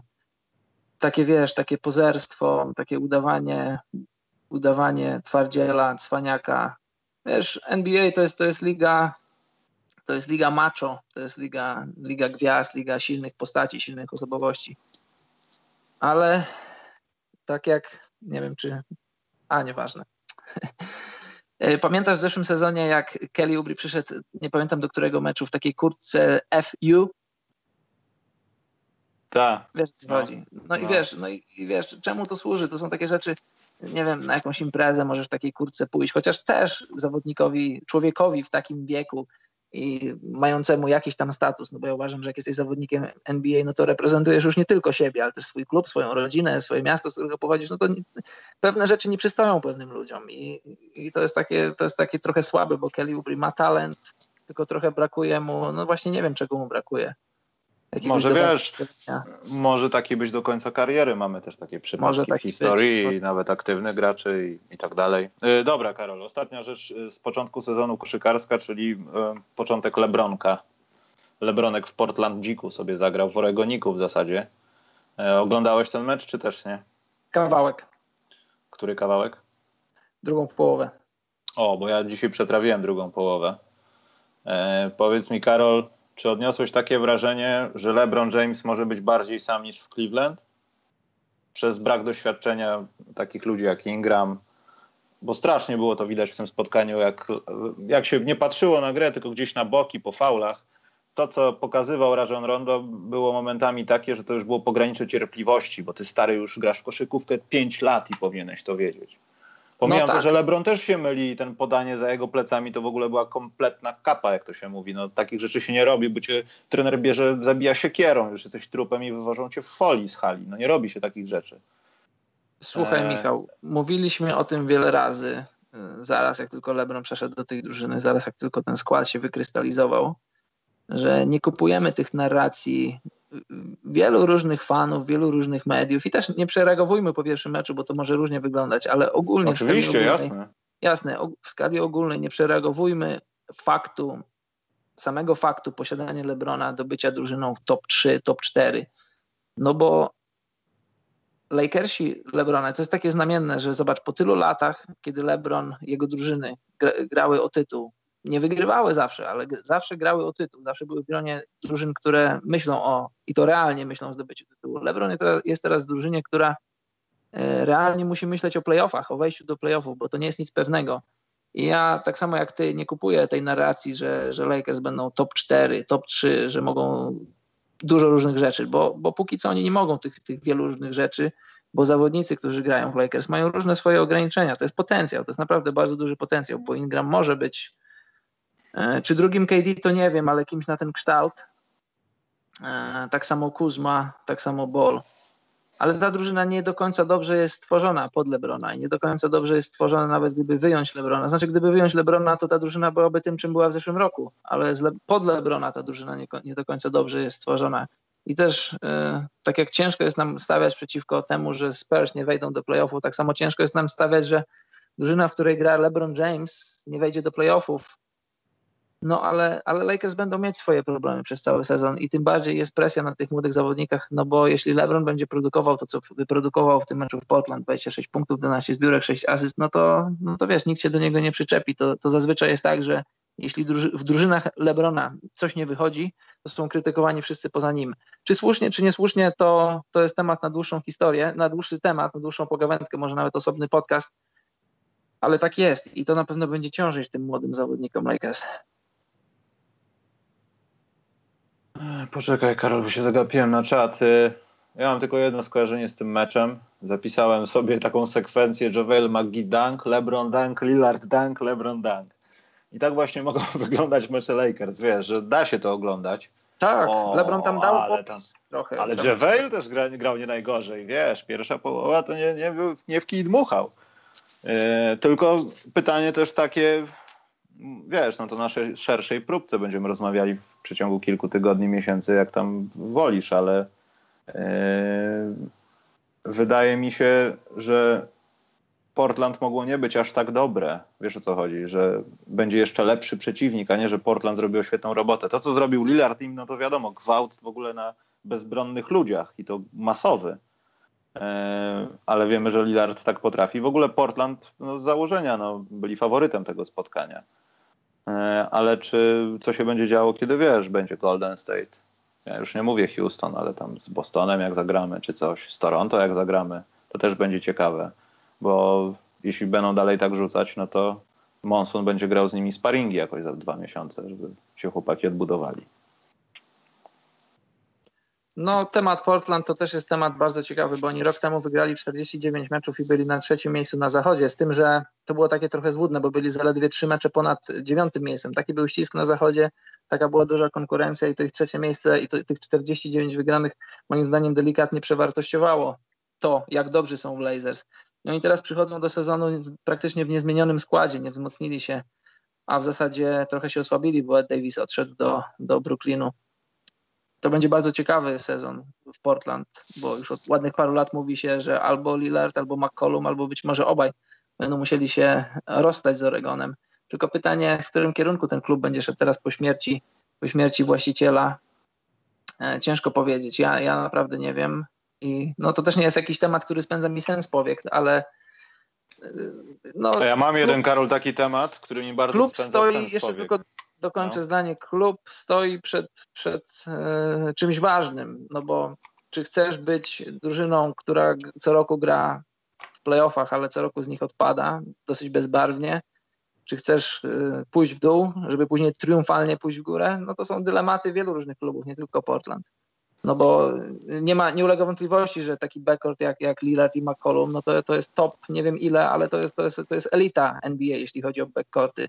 Mhm. Tylko, że no, samym Lillardem i samym McCollumem na pewno mistrzostwa nie zdobędziesz. Czy wejdziesz do playoffów, to też jest, to też jest sprawa taka trochę 50 na 50. No, a jeśli wejdziesz, to co z nich zrobisz? Co to e, będzie no więc właśnie, dla ciebie i w jaki to sposób zaprocentuje na kontraktach, które już podpisałeś? Tak. E, dobra, będę pytał cię, Karol, tylko o sędziowanie, bo oglądałem te raporty ostatnie dwuminutowe, ale z, chyba tylko z dwóch ale pierwszych moment, dni. Michał. No? No. Chwileczkę. Musimy jeszcze. Yy, Wiem o tym. Wiem o tym. do Toronto. Wiem o tym, dlatego chciałbym o tym też porozmawiać, Dobrze. ale mam dwie rzeczy, które mi przyszły na minus do głowy, a do przerwy na żądanie pewnie ich zapomnę. Dobrze. To jest rzecz taka, że ja nie wiem, może źle zaobserwowałem, ale podczas transmisji wszystkich w ogóle, ja wiem, że to jest współzałożyciel, właściciel, ktoś tam ważny bardzo dla Microsoftu, E, i na, w każdej transmisji pokazuje się Allen, bardzo nam przykro, ale na przykład no, w Orlando też zmarł właściciel i jakoś też nie widzę za specjalnie, nie wiem, przypomnienia o tym. Rozumiem, że NBA jest jakoś powiązane z Microsoftem na jakichś tam płaszczyznach biznesowych w taki czy inny sposób, no ale mimo wszystko, jak wszyscy, to wszyscy. No. Podejrzewam, że Amway też ma taką renomę w Stanach jak w Polsce, chociaż nie jestem pewien. No ale mimo wszystko warto byłoby wspomnieć, bo tu nie chodzi tylko o Portland, ale dosłownie na co drugim meczu były screenshotiki dotyczące właśnie tego nieszczęsnego wydarzenia. No.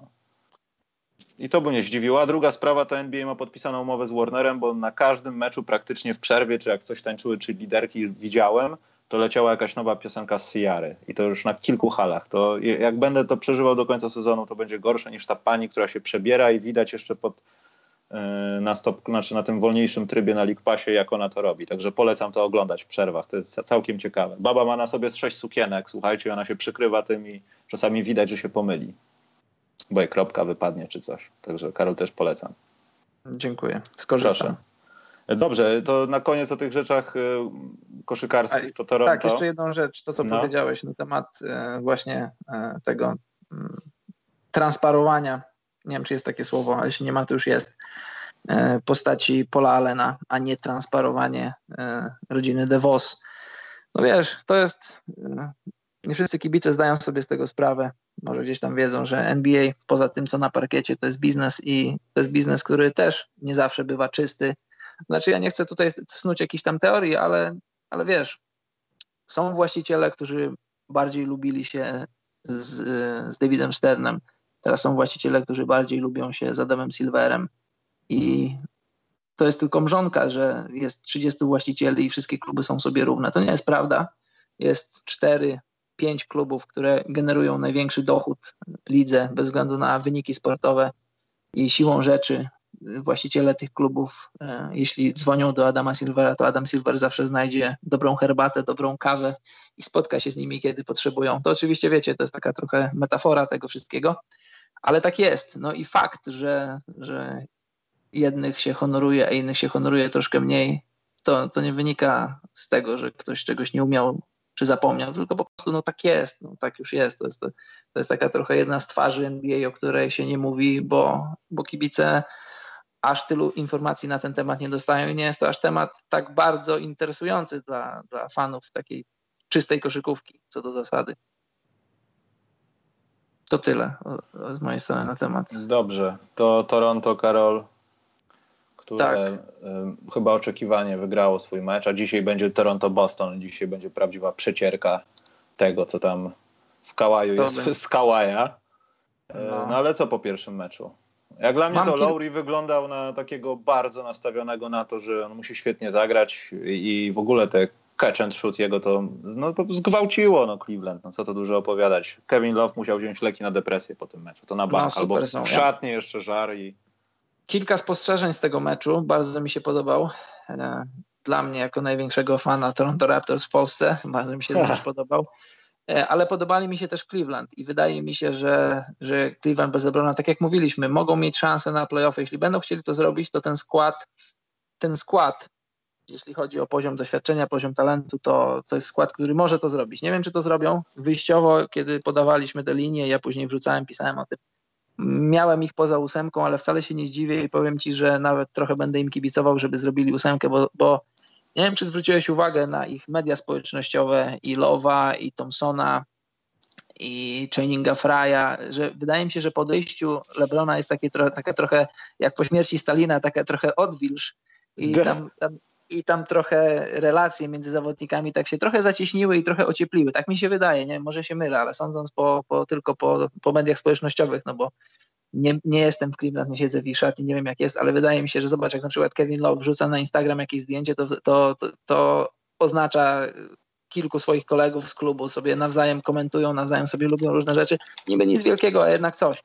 I ogólnie mecz sam w sobie w wykonaniu Cleveland bardzo mi się podobał i, i widzicie, widzisz, ty to wiesz, ale Tyron Lu, y, dużo było żartów na temat Tyrona Lu, dużo różnych memów, na których na jego tabliczce jest napisane dajcie piłkę Lebronowi i spierniczajcie to, to okazuje się, że Tylon jest dobrym trenerem, ma, ma, ma doświadczenie wyniesione z pracy u, u Doka Riversa, grał przecież pod, pod Philem Jacksonem i Tyron Lu myślę, że teraz pokaże krytykom, że, że trenerem nie jest złym. Jak daleko zajdą Cavs, to, to zobaczymy. Kevin Love też mi się podobał, Tristan Thompson mi się podobał, Osman mi się podobał, ale to ja przewidywałem, znaczy przewidywałem, wydawało mi się, że po tym, po tym roku, kiedy dostał szansę w Cleveland, po, po wakacjach, kiedy z, kadrą Turcji grał bardzo dobrze, że to będzie jego taki przełomowy rok i fajnie zagrał, bardzo mi się podobał.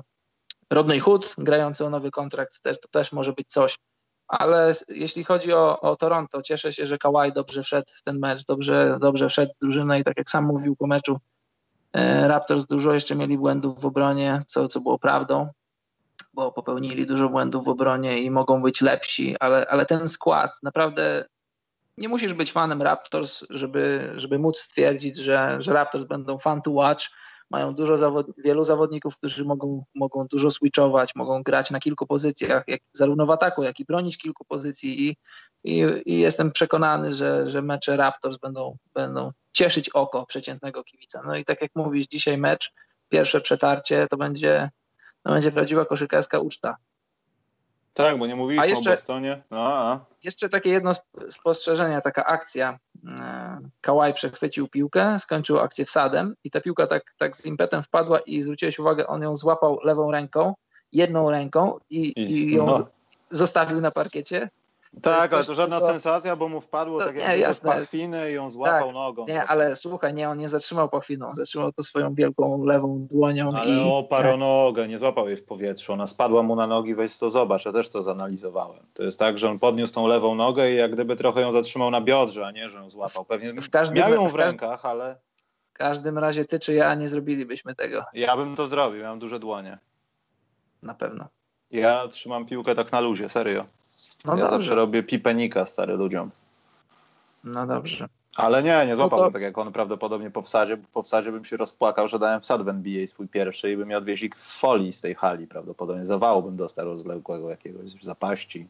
W lewo, no i nie? tyle w zasadzie. Podobał mi się ten mecz, był fajny, w dobrym tempie rozgrywany i Cavs, e, Cavs długo, długo stawiali czoła, nawet w czwartej kwarcie mieli swoje momenty. Nie, no ten mecz nie był rozstrzygnięty tak od. W zasadzie no te, też nie mówiliśmy o debiucie Antka, ale Charlotte i w ogóle to, co Kemba zrobił. No, Charlotte zaczęło prowadzić chyba 30 czy 40 sekund przed końcem w ogóle spotkania, no i że zrobili tak, kupę głupich tak. błędów po obu stronach. Obie, obie drużyny były głupie wręcz w tym, co robią i Antek dużo strat, strasznie dużo. Maker w ogóle what the fuck. Eee, I, ale DiVincenzo na przykład dobrze wyglądał, to też taki debiutant. Bo o Atlancie Nowym Jorku nie będziemy mówili, bo tam Alonso Trier to jestem zakochany w nim. Pewnie on już nic nie zagra do końca sezonu, ale Trey Young nie wiem, nie mogę patrzeć na to. Taurian no ja, tyle strat. Co się dzieje? Ja się akurat, akurat się cieszyłem po tym meczu, bo e, postawiłem parę złotych, że, no tak. że Trey Young nie, nie, nie zdobędzie 16 punktów oraz, że nie rozda 7 asyst i i wiesz, jak oglądałem czwartą kwartę i już y, wiadomo było, że nikt wygrają i tak krzyczałem do, do ekranu, no mówię, no weź go zdejmij człowieku, przecież oni już masz przegrany mecz, chcesz, żeby twój młody zawodnik kontuzji dostał, no i w końcu usłyszał moje, moje wołanie, bo on chyba skończył z 14, więc wiesz, wystarczyło, żeby raz trafił jakiegoś farfocla i mój zakład poszedłby w niepamięć, ale no udało A taka się. ciekawostka a propos tego Alonso Trajera, no to on miał straszną historię dotyczącą, tylko nie wiem, czy to nie była jakaś błahostka, która była, nie wiem, w syropie, znaczy błahostka. No. Lekarz powinien o tym wiedzieć, albo on powinien to potwierdzać z lekarzem, no ale w NCAA miał przygodę e, z zakazanymi substancjami. Nie pamiętam o co tam chodziło, ale pamiętam, że chyba w lutym tego roku była jakaś taka akcja i on jeszcze był wcześniej w ogóle ukarany za coś takiego. E, Nie pamiętam o jaki środek chodziło, ale chodziło chyba o coś związanego bardziej ze sterydami niż z narkotykami samymi w sobie. Także I to on też nie ciekawe. wiedział. I Nie on wiedział. nie. Kupił, kupił na stacji benzynowej, tak jak, tak jak norweskie narciarki, y, kupiły sobie krem do opalania i też nie wiedziały. I tak, jasne. No. I kupiły sobie na Antarktydzie jeszcze ten krem do opalania, Tak, wiesz. Tak, Albo on, gdzieś ten, na Islandii. ten krem tam, on się przypadkowo pojawił, tak jak wiesz, oni tutaj przypadkowo przyszli z tragarzami. Tak, no tak. I tego Kossaka jeszcze wzięli. I tego Buddę. Dobra, słuchajcie, ja Karolowi zadam jeszcze jedno pytanie, potem pytanka od was. Yy, Karol, jak oceniasz sędziowanie? Bo a propos tego Charlotte, Milwaukee, ja spojrzałem na te pierwsze raporty z ostatnich dwóch minut i tam było może nie bardzo dużo, ale 5-6 w dwóch, trzech meczach tych dwóch pierwszych dni incorrect calls albo incorrect non-calls i tam no, zw- zwłaszcza dotyczy, dotyczyło już w ogóle stricte końcówki, jakieś ostatnie pół minuty, minuta do końca spotkania. I z tego jak porównałem potem to z faktycznymi rzeczami, które pamiętam z parkietu, no to chyba to były rzeczy, które mogły zaważyć o wygranej jednej lub drugiej, bo to był jakiś przechwycik, strata, mimo że to było, wiesz, wideo review i tak dalej, to dupa wielka. Słuchaj, Michał, e, temat, o którym mnie pytasz, też jest, też jest tematem bardzo złożonym i bardzo interesującym i nie wiem, czy chciałbym go zamknąć w kilku minutach, ale jeżeli prosisz mnie o to, to to zrobię. Jestem przede wszystkim wielkim przeciwnikiem wideo tego, tego raportu z ostatnich dwóch minut, bo ja jako sędzia, i to jeśli słuchają nas jacyś sędziowie też mogą potwierdzić, po meczach dostajesz, masz, dostajesz feedback i przychodzi człowiek, który omawia twój mecz. I wiesz, jeżeli robi to jedna osoba z meczu, na którym jest, to ma ten feeling tak zwany tego meczu i możemy sobie porozmawiać o różnych dyskusjach. Jeżeli ten sam mecz oglądasz już z otworzenia, z wideo, to masz trochę inną perspektywę, a już nie wspominając o tym, że jeżeli potniesz mecz na, na bezemocyjne, bezosobowe klipy, po których jeszcze bardziej to może wyglądać, być jeszcze bardziej oderwane od rzeczywistości. Tutaj jest to wzięte do skali, e, z którą FIBA jeszcze się nie styka, czyli mecz zostaje tak pocięty na czynniki pierwsze, tak rozłożony, że ludzie, którzy nie mieli związku z tym meczem, oceniają go od strony, od strony przepisów, interpretacji, tych nowych interpretacji i mówią, że to było dobre, to było złe. Tylko, że wiesz, meczów NBA nie sędziują przypadkowi ludzie, oni tam są, tam są z jakiegoś powodu. To jest jedna sprawa. Druga sprawa jest taka, że człowiek może się zwyczajnie w świecie pomylić, co też musimy brać pod uwagę. A trzecia sprawa jest taka, że, że to jest y, interpretacja danego sędziego, danej sytuacji w danym momencie meczu. I koszykówka naprawdę jest, jeśli chodzi o stronę przepisów, bardzo złożonym sportem, bo do rozbudowanych przepisów masz całą, masz w zasadzie drugą książkę oficjalnych interpretacji, jak należy rzeczy rozumieć, interpretować. Samo, samo pojęcie faulu, czy blokowanie, czy szarża. Możesz mieć dwóch wybitnych sędziów, którzy będą się kłócić co do zasady, czy, czy w danym momencie powinna być szarża, czy blok. Ja jestem co do zasady przeciwnikiem tego, bo, bo to tylko wprowadza zamęt. Rozumiem zasadę, rozumiem y, założenie, że miała być jeszcze większa transparentność ligi, ale jest dużo smrodu, dużo kontrowersji, bo później zawodnicy czy też media y, czytają to wszystko i mówią, o widzisz, tu się sędzia pomylił, widzisz, tutaj wypeczyliśmy mecz. Ja wierzę w to, że sędziowie NBA, którzy dobrze zarabiają, e, nie mają jakichś swoich nieczystych y, zamiarów, nie, nie grają swoich dodatkowych gier w obrębie tych No dobrze, to dlaczego miałoby takich że- raportów nie być, jeśli mają, tak jak mówisz, nic do ukrycia? Ja uważam, że powinny nie. być te raporty z całego meczu, natomiast uważam, że nie powinny być dostępne dla Nie, każdego wiesz co, chińskiego. Michał, nie, to jest, to jest bez sensu, dlatego że jeżeli, jeszcze raz mówię ci, tak jak masz play by play, możesz sobie rozbić każdy mecz i zobaczyć każdą sytuację, tak samo y, y, mógłbyś to zrobić play by play odnośnie zasad, że tutaj było to, tutaj było tamto. Zobacz, y, taka y, sytuacja y, RSBQ, Rhythm Speed Balance Quickness, czyli też zasada korzyści, niekorzyści. Jeszcze raz, jeżeli podzielisz mecz na klipy, wytniesz klipy i widzisz, zobacz, o tutaj zawodnik zrobił kroki, wpisujesz w raporcie nieodwizdane kroki, ale tak zwany big picture, widzisz, że zawodnik nie odnosi korzyści z danej akcji, celowo to puszczasz. celowo to puszczasz, bo to nikomu nic nie daje przy wyprowadzaniu piłki czy gdzieś tam. I teraz zobacz, mecz koszykówki to są, to są ludzie, to są emocje, to nie są jakieś cylindry biegające, bo wiesz, jako sędziowie oceniamy cylindry, ludzi będących w cylindrach. To nie są jakieś bezosobowe cylindry, jakieś roboty. I zobacz, wiele razy oglądasz mecz i widzisz sytuację, że gdzieś tam ktoś kogoś przytrzymał. Tylko, że dla, dla meczu, dla tej danej sytuacji to nie miało żadnego znaczenia, bo po, na, na przeciwległym końcu parkietu ktoś miał piłkę i ktoś trafiał za trzy punkty. I jeżeli sprowadzisz mecz koszykówki do tego, że ktoś bezosobowo będzie to, to rozbijał na czynniki pierwsze, to A, nie da to nic ani sędziom odnośnie szkolenia, nie da to nic B, transparentności, bo wprowadzi dużo, dużo zamętu, dużo różnych brudu. E, media będą o tym mówić, przede wszystkim kibice będą o tym mówić. Kibice, którzy nie mają w większości, nie mają pojęcia, pojęcia o przepisach. Wiesz, ja jako sędzia jako osoba, która gra w koszykówkę, stykam się z tym na co dzień. Ludzie mylą, ludzie, którzy oglądają koszykówkę NBA, mylą e, zasady e, z, wiesz, e, FIBA i NBA. Nawet dzisiaj graliśmy, jestem po treningu, graliśmy w koszykówkę i taka trochę, kontro, no nie kontrowersyjna sytuacja, już mówię to ludziom od, od, od lat, z którymi gram. Jeżeli w koszykówce FIBA oddajesz rzut i zrobisz airball i złapiesz piłkę jeszcze raz, w NBA to są kroki. W FIBie to jest zwyczajna zbiórka w ataku i po niej możesz kozłować, możesz y, rzucać piłkę jeszcze raz, możesz podawać. To nie jest błąd. I ludzie często, y, ci, którzy siedzą w NBA, oglądają NBA, mówią, co to się teraz dzieje, co taka dziwna sytuacja. Nie, ta sytuacja, jasne, ta sytuacja jest dziwna, bo nie zdarza się za często, ale w rozumieniu, w interpretacjach przepisów FIBA, airball, który zawodnik y, złapie piłkę jeszcze raz, to nie, to nie jest błąd. Oczywiście inną sprawą jest podawanie piłki do samego siebie, lobowanie zawodników, ale to, to są rzeczy, które widać. Widać, że kiedy oddajesz normalny rzut, próbujesz normalny rzut oddać i piłka trafia jeszcze raz w twoje ręce, nie dotykając niczego.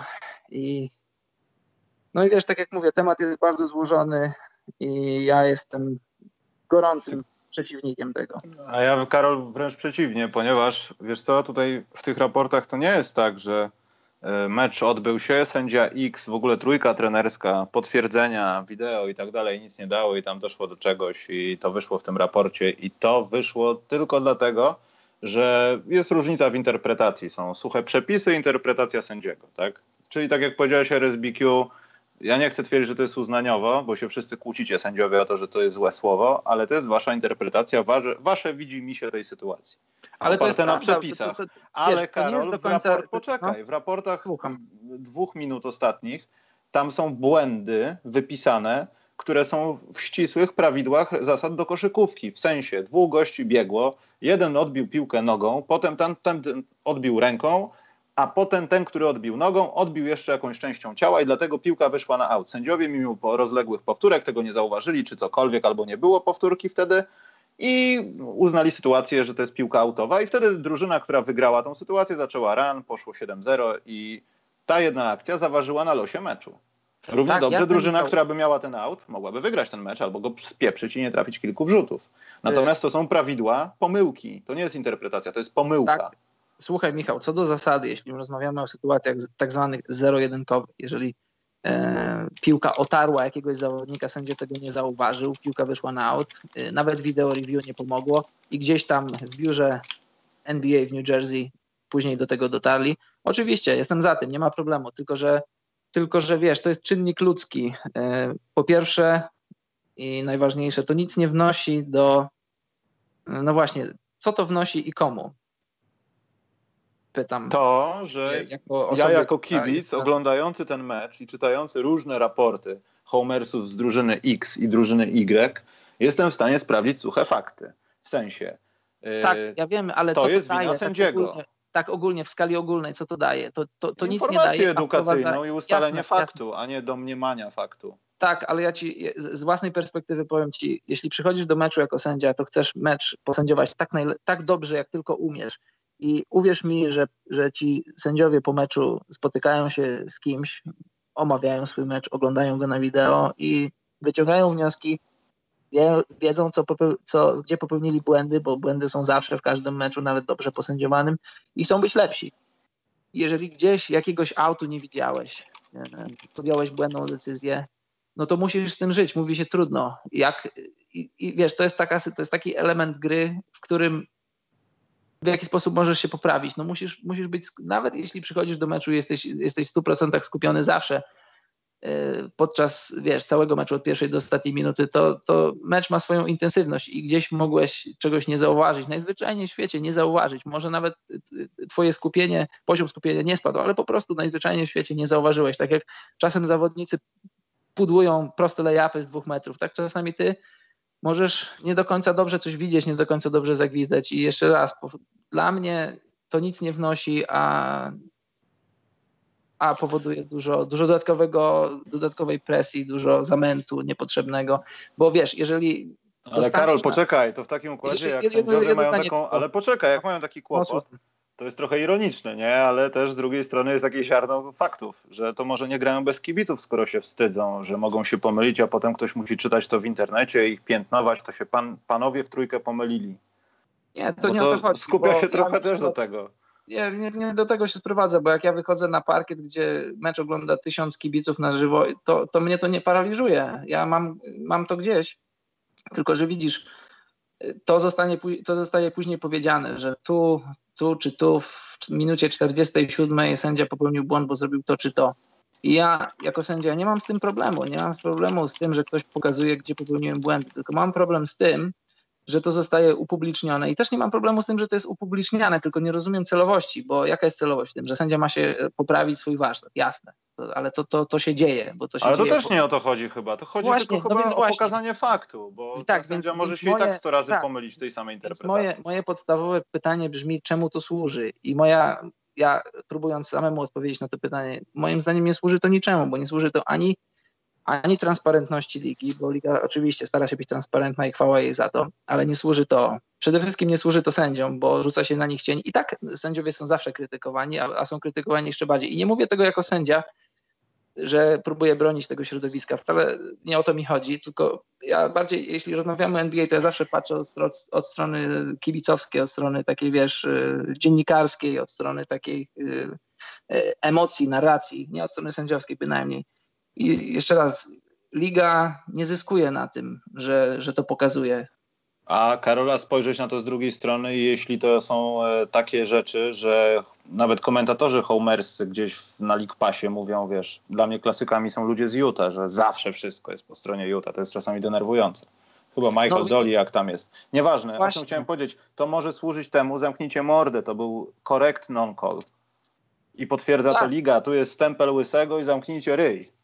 To też ma temu służyć, strony, Karol. A z drugiej strony dajesz pożywkę, jeżeli, jeżeli, jeżeli masz teorię, że krzywdzą cię sędziowie, jeżeli później widzisz w raporcie, że faktycznie coś było przeciwko tobie, to dostajesz tylko pożywkę do tego, żeby jeszcze bardziej krytykować sędziów. Ja, ja no, no jeszcze raz, no nie wiem, co mam ci powiedzieć więcej. Nie jestem za tym, bo nie widzę żadnych plusów płynących z tego, bo musisz mi uwierzyć, że, że sędziowie po meczach są weryfikowani, oceniani, sprawdzani i sami, sędzi sami sędziowie w obrębie własnego warsztatu pracy chcą być coraz lepsi i oglądają. To znaczy ci, który, którym na tym zależy, tych, których znam, to zależy im na tym. Oglądamy swoje mecze, rozmawiamy o nich.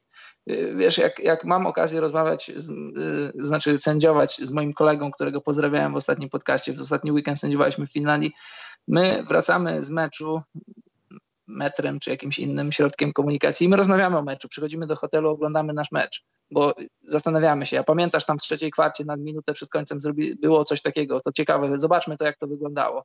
I, I, wiesz, jestem przekonany, że sędziowie NBA, którzy są na jeszcze bardziej na świeczniku, zarabiają dużo lepsze pieniądze niż my, też im na tym zależy i też starają się być jeszcze lepsi, więc taka dodatkowa rzecz niczemu nie służy. Jakbym ja na przykład myślę sobie, gdybym tutaj w Finlandii czy Szwecji miał jakiś taki, że gdzieś to później na stronie było i ktoś mógłby sobie to czytać, później coś, coś mi mówić. Wiesz, ja, ja nie mam żadnych zmartwień. Ja, mnie to nie dotyka, że ktoś by mnie krytykował, że ktoś by coś pisał na mnie. Nie ma, nie ma z tym problemu, tylko że wiem, że niczemu to nie służy, bo jeżeli krytykują mnie sędziowie inni, jeżeli krytykują mnie ludzie, którzy dają mi feedback, to ja wiem, że to jest słuszne, bo oni się na tym znają, ale jeżeli wypowiadają się na temat przepisów zwykli kibice, ja czasem z ciekawości wchodzę y, na, na, wiesz, na różne tam społecznościowe media różnych klubów czy różnych tam gazet i widzę, że ludzie nie mają pojęcia, naprawdę, niestety, nie mają pojęcia o rzeczach, o których mówią. No i co ci, cóż ci więcej mogę powiedzieć? Możesz mi tylko ciekawa... powiedzieć jedną rzecz, Słuchaj, że była, miał... jak, była taka no. ciekawa sytuacja, była jakaś taka ciekawa sytuacja, już teraz nie pamiętam z tych meczów takich e, e, kwalifikacyjnych do Mistrzostw Świata, nie pamiętam jakiej strefy, gdzieś tam na, na Instagramie FIBA była ta akcja wrzucona. Ja tam się po, pozwoliłem sobie wypowiedzieć się, człowieku, straciłem pół dnia, nie, niepotrzebnie to robiłem i e, staram się tego unikać, ale zrobiłem to, nie wiem dlaczego. Napisałem swoją interpretację odnośnie tam jakichś tam kroków pół dnia straciłem na patrzenie na te komentarze, bo cały czas pojawiały mi się powiadomienia. No i po co mi to? Dyskutuję z ludźmi, z którymi, z który, których nie znam, a po komentarzach widzę, że nie mają pojęcia o czym mówią i no i tyle. No. Dobrze, Karol, bo miała być godzina, a, a ty no opowiadasz jakieś dziwne rzeczy o sędziach, ale cieszę się z jednego, kompletnie się z tobą nie zgadzam. E, Masz przynajmniej w tym temacie. Nie, chodzi, chodzi o to, że wiesz co, tu nie chodzi o piętnowanie, tylko że praca sędziego automatycznie, to tak jak z lekarzem. No, jesteś lekarzem, brzydko mówiąc, musisz spodziewać się trupa, śmierci, krwi i tak dalej, więc idąc w ten zawód, liczysz się z tym, że jesteś odporny w niektórych strefach. Wiesz, że i tak nie wiesz wszystkiego i nie wszystko widziałeś, ale wyobrażasz sobie niektóre rzeczy, opowieści, nie wiem, ktoś z rodziny jest twoim lekarzem. Tak samo tak, jest z sędziami. Z założenia jest... jesteś odporny psychicznie, więc powinieneś mieć w dupie to, co o tobie piszą i krzyczą, zwłaszcza, nie wiem, patrząc na polską ligę, różne rzeczy na temat twojej mamy, zależnie od szczebla twoich rozgrywek. I jeśli masz na tyle twardą skórę i to znosisz, to taki raport, zwłaszcza na tym poziomie, już nie wiem, papiestwa sędziowego, sędziowskiego, jeśli można to tak ująć, to ciebie to nie rusza. To jest tylko element twojej pracy i możesz się sprzeciwiać, ale w zasadzie nie ma potrzeby. To jest po prostu coś, co jest, co jest udokumentowaniem twojej pracy, tak jak twoje raporty, tylko dla publiczności i koniec. Tak, Michał, I... ale nie tego, nie tego rzecz dotyczy. Właśnie ja ci to tłumaczę. To nie chodzi o odporność i o to, czy, czy, czy wiesz, czy, czy, czy dźwigniesz to psychicznie, bo ja podkreślam, to, to nie, nie to jest problemem. Dobrze tutaj akurat podajesz przykład e, lekarza, który robi, dajmy na to jakąś operację. On przeprowadził operację i najważniejsze są efekty tej operacji. Nie, nie, dostajesz raportów y, z operacji, która trwała trzy godziny, z każdej minuty, że on tutaj teraz przeciął skórę, otworzył mostek, y, zaczął robić to, to czy tamto i ty to czytasz i jakiś tam nadrzędny lekarz sprawdza, jak on to robił i on ci pisze co do minuty, w którym miejscu on robił dobrze, a w którym miejscu robił źle. Ty jako przeciętny człowiek, raz, że się na tym nie znasz, dwa, że nie powinno cię to interesować, powinien cię interesować tak zwany big picture, jak, jak czy ta operacja została przeprowadzona poprawnie. I tu akurat bardzo się cieszę, że, że, że podałeś taki przykład, bo taka, to jest taka trochę metafora A ja trochę nie, bo zawód lekarza ma tyle wspólnego z sędzią, co tak, ja z ale, siatkówką. Tak, ale wiesz, ale, ale okoliczności tro, trochę, są, trochę są podobne. Bo ludzie, którzy się nie znają na sztuce lekarskiej, ludzie, którzy się nie znają na sztuce sędziowania, dostając do ręki papier, na którym masz czarno na białym, co jest dobrze, co jest źle, dają sobie prawo do, do wypowiadania się. I, I jeszcze raz, dla mnie to nie jest problem, że to się dzieje, tylko to jest taka jakby trochę poboczna, dodatkowa dodatkowa platforma do dyskusji na temat koszykówki i to nie służy ani NBA, ani koszykówce samej w sobie, ani sędziom. I tyle. Ja jestem tylko ciekaw, jakie są kulisy sprawdzania tego, czy bardziej płacz zawodników i tak dalej. Trzeba by do tego wrócić. Ale Karol, nieważne, bo ty mówisz, że możesz na godzinę, a już zaraz będzie półtorej. No właśnie. Znowu to się stało. Jesteśmy niekonsekwentni, ale ty, Karol, po prostu jesteś sędzią i musisz wszystkim opowiedzieć, jak to źle mieć raporty meczowe. Jezu, nie jest mi was żal w ogóle. Pozdrawiam cię, Mateusz. E, a właśnie, Karol, tak poważnie wyślę ci zaraz sytuację, zobaczymy, co powiesz, bo Mateusz podesłał jedną z naszej rodzimej ligi, powiedzmy. E, zanim będą pytanka od was, to poczekajcie, ja na ekranie coś odpalę. Mały product placement. E, o, jak pewnie wiecie, nadchodzi książka Jordanie. Będzie gdzieś mniej więcej za tydzień. Ja to mam gdzieś w oryginale, okładka była kompletnie inna, chyba nie wiem, myśmy to przygotowali jako, jako polska edycja. Yy, u Karola też yy, konkursik, nie wiem, czy u ciebie dalej trwa konkursik, Karol? Yy, o Jordanie? No. Zrobiłem konkurs. Tak, już tak. Nie. Zrobi zrobiłem konkursik dwuetapowo. Jeden etap to był taki, że, że zadałem kilka pytań odnośnie meczów z minionej nocy i to już się zakończyło, już jedna osoba wygrała, ale mam też konkursik. Druga część tego konkursu jest taka, że. Konkursik. Jeśli jesteś osobą, która uważa, że jest wielkim fanem Jordana, że jest wielkim fanem Bulls i w jakiś sposób może to mi pokazać, udokumentować poprzez e, kolekcję koszulek, kart, butów, książek. A czy ja mogę startować w tym konkursie? Czy będę odsunięty? chcesz, to startuj. Nie, Bo no, ja nie. wiesz, że Karol, mam dwa takie KO, że no w Polsce to raczej nie sądzę, żeby ktoś to miał. Wiem. Nie dałem żadnych obostrzeń, więc jak chcesz, to sobie wystarczy. No to so, a co jest nagrodą? Co jest no, nagrodą? książka. Bo... nie, no to nie. To da, dam komuś wygrać. No, y, no i, y, no, i ten, ta druga część tego konkursu trwa do niedzieli, do godziny oczko 23. Więc zapraszam, jakby ktoś chciał. E, A słu- słuchacze podcastu specjalnego też otrzymają, ale ja to trochę wstrzymam. W sensie będę miał to pewnie chyba gdzieś przed premierą, ale, ale chciałbym to zrobić w odpowiednim czasie, żeby, żebym miał fizycznie już. Chyba, że uda się z wydawcą dogadać, żeby to od nich wychodziło, to możemy, nie wiem, Karol, ty tak masz? Czy tak, ja tak właśnie tak. Ja właśnie A, tak. no to skoro jest taka opcja, to ja chyba też to uzgodnię. E, No jesteśmy na patronacie, także bardzo spoko. Mhm. Też niedługo będzie druga rzecz, która będzie Karol bardziej spoko, bo ja mam tajne informacje. Mam nadzieję, że Piotrek nas ze Skłenu nie słucha, ale chyba mogę o tym powiedzieć, że w zasadzie, tylko nie wiem, czy dobrze odczytałem jego wiadomość, ale oni się mocno zastanawiają nad tym i to teraz ja nie znajdę wam tego, ale musicie wejść sobie na Facebooka SQN-u albo podcastu specjalnego. Nie wiem, czy Karol to też przyklejał. Że oni projektowali gdzieś w jakimś, widać rzut ekranu na komputer i jest projektowanie pudełka i prawdopodobnie książka właśnie mówi o Simonsie będzie wydawana w takich pakach. Nie będzie można normalnie, chociaż może, ale wydaje mi się, że nie, że będzie tylko w opakowaniach. To nie będzie jak- jakieś hiperdrogie i to jest ciekawostka, że chyba nawet to jest tańsze niż e, nowy egzemplarz oryginału kupiony w polskim jakimś sklepie, który sprowadza książki. Albo ściągnięcie jednej książki pojedynczo z Amazonu z wysyłką. To będzie mniej więcej w takiej cenie. E, I w tym opakowaniu oprócz książki będą różne gadżety i chyba to jest jedyna droga, w jaki sposób będzie sprzedawana ta książka. Także jak coś, mały spoiler.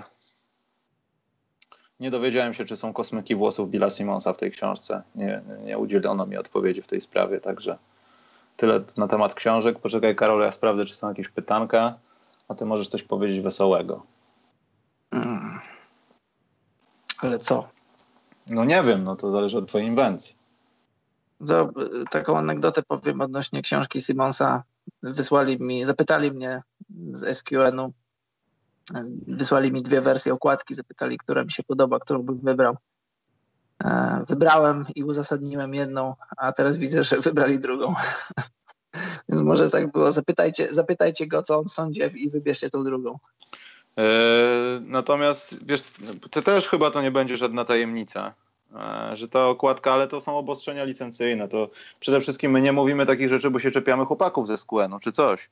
Bo Nie, nie, wielokrotnie ja to jest tak, że oni nie nie czepiam mogą zrobić określonych Jasne, rzeczy oczywiście. albo czegoś, ponieważ y, albo wykupili y, nieco tańszy pakiet na licencyjny na dane wydawnictwo i nie mogą robić określonych rzeczy. Nie wiem, patrz książka, któraś chyba Jordanie, czy nie pamiętam, któraś z ostatnich książek y, no w umowie było tak, że nie może być żadnych rzeczy dopisanych z polskiej strony we wstępie ani na okładce, czyli tych tak zwanych blurbach. Tak, tak. I, I nawet jakby chcieli, to nie mogą, bo tam ci ich naliczą e, i tyle. I to czasami jest w ten sposób, no ale tutaj pewnie może też. No element jakiś tam wspólny z oryginalną okładką jest. Poza tym no, my jesteśmy, nie wiem jak to porównać z krajami, ale chyba jakoś tak świeżo się to na, u nas ukazał je, a to już parę lat ma. Już kilka wydań było tego przecież. Książka Jordana? Nie, mówię o Simonsie akurat teraz. A, tak, tak, no to prawda. A o Jordanie, no to jak dla mnie to jest klasyk, który świetnie, został przetłumaczony po polsku, bo no, o Lebronie też powinna, 26 latach. tak, powinna powstać taka książka o Lebronie, bo ten pierwszy tytuł, jak napisałem na blogu, no, smakuje najlepiej. W sensie Jordan był strasznie no, zdarty, przecież Detroit go błóciło trzy, cztery sezony pod rząd, trzy chyba. To prawda. Tak, I- tak. Trz- tak, trzy. trzy. I on generalnie, no myślę, że miał to samo w głowie, co LeBron w Cleveland, no. Że, że znowu to się dzieje, tam wiemy przecież o tym, że w klubie było nie do końca spoko, także No i dużo- widzisz, y, tak, sorry, że ci przerywam, ale No. taką, taką trochę dygresją i taką wielką parabolą z lat 80., końcówki czy 90. do teraz. Jordan trzy razy przegrywał y, z Pistons i wydawało się, że, że, że ich nie przejdzie. W końcu ich przeszedł za czwartym razem i zobacz, gdyby to się odbywało w dzisiejszych czasach, albo gdyby wtedy były takie narracje jak dziś, to już po, po, po, po drugim razie mówiliby, że Michael musi odejść, on, on Bulls nic nie wygra, on musi odejść. Może nawet do Pistons. Zobacz, jak, e, jak się zmieniają czasy. Nie tylko zmienia się koszykówka, ale też zmieniają się narracje i dla mnie to jest, to jest największy problem dzisiejszej koszykówki, że te, te, te nieszczęsne narracje, że, że nagle amerykańscy dziennikarze i też po części kibice e, tworzą taką chmurę, w, w, w której zawodnikom musi się spieszyć do wygrywania, musi się spieszyć do, do odchodzenia, muszą być niecierpliwi, muszą być e, nie wiem jacy. Zobacz Anthony Davis, mówiliśmy o tym pierwszym meczu, fajnie zagrały Pelikany i ogólnie... No, Mirotic w ogóle świetnie wpasowany. No. Ale, ale gdzieś tam y, równolegle na drugim torze dzieje się narracja, czy przypadkiem, jeśli w styczniu, czy, czy gdzieś przed trade deadline, gdyby Pelikany były gdzieś tam w okolicach kreski, a nie daj Boże poniżej, czy, czy ktoś tam nie wyciągnie po nich, po niego, po Antonego Davisa swojej wielkiej dłoni, jakieś Chicago, jakiś Boston, jakiś wielki rynek. No Chicago którego, to dom, wiesz, to, to, to tak, plus. Do którego, no jasne, do którego, jak to jak mówią media i kibice, Anthony Davis należy, bo nie powinien... I człowieku, poczekaj, i teraz to widzę, kryształowa kula i będziemy pierwsi, którzy to powiemy. Za, w 2019 Anthony Davis pójdzie do Chicago i tam nie będzie jakiegoś dużego transferu, ale oni się jakoś tak dogadają, że na przykład mogą oddać Cartera sobie albo za Kalawina, bo już nie chcemy, już rok nam wystarczył twojej gry stary. Ja bym tak zrobił. No, gdybym był Byłoby nowym pięknie. To w żadnym pakiecie bym nie chciał za Kalawina, za, za Antonego Davisa. ale e, Davis myślę, że bardzo miałby wtedy okresny na temat gry z Markanenem. Może tam by udało się kogoś jeszcze pozyskać na obwód nie wiem. No i właśnie, właśnie widzisz, to jest właśnie to, że, że to Dan są... może być kozacki tak, jeszcze bardziej, że wiesz. to są takie smakowite kąski, o których już nawet mówi, mówiąc to, kiedy o tym mówimy, jasne, że to fajnie byłoby to zobaczyć. Raz, że to byłoby coś nowego. Dwa, że Bulls, no to jest marka znana od, od, od dekad i zawsze, zawsze Bulls, znaczy zawsze, zawsze to jest za duże słowo, ale Bulls jako, jako produkt będą, będą czymś więcej niż Pelikany jako produkt i jasne, że fajnie byłoby zobaczyć, czy nie wiem, czy aż tak fajnie, ale na przykład zobaczyć właśnie Antonego Davisa grającego z Markanenem. No i czy, czy tego chcemy, czy nie, te narracje pchają tych zawodników do, do innych klubów i też nakręcamy się tym wszystkim, no bo też trzeba powiedzieć, że wielu zawodników to, to, to, to, to nie są jacyś wielcy myśliciele i oni bardzo dużo swoich decyzji podejmują pod wpływem raz mediów, dwa swoich agentów i tak zwanych ludzi ze swojego otoczenia. Anturażu. Anturażu tak zwanego. Dobra, Karol, mamy dwa pytania. Adriatyk nas pyta. Niestety będziemy gadali o Lakers. Karol, ja już nie mogę. Ja już obejrzałem ich mecz, mi niedobrze jest, ale trudno. Zrobimy to dla ludzkości. E, co myślicie o psychicznym profilu Ingrama? On taki spokojny chłopak, nie bardzo pasuje do świateł LA. Ja nie wiem, czy on jest taki spokojny chłopak. Myślę, że on jest trochę osaczony tym, że tam jest. I nie nawet jak schodzi. Gramem, więc nie wiem, nie wiem. Ale jak schodzi z ławki, było widać takie coś, wiesz. I pomijam to, że Luke Walton, nie wiem, może dwa momenty były, że wstał, ruszył dupę z ławki, no. Wiesz, to też pokazuje trochę, kto jest tam trenerem i panem, panem który zarządza trzodą. Ale jak Ingram schodził na ławkę, no to te, te piąteczki nie były takie, wiesz, że fajnie, że schodzę na ławkę, wiesz. Dobry mecz zagrał mimo wszystko, no. Można było się spodziewać mniej od niego. E, to jest jakiś postęp, ale brak tej masy będzie mu nie służył. Ten przyrost chyba powinien być trochę większy. Ale z drugiej strony też e, no, Kevin Durant nic nie podniósł na ławeczce, nie? I co z tego? No właśnie. Nie trzeba być takim superherosem. Nie wiem, chcesz Karol coś o jego profilu psychicznym powiedzieć? E, raczej nie, ale tak jak... no.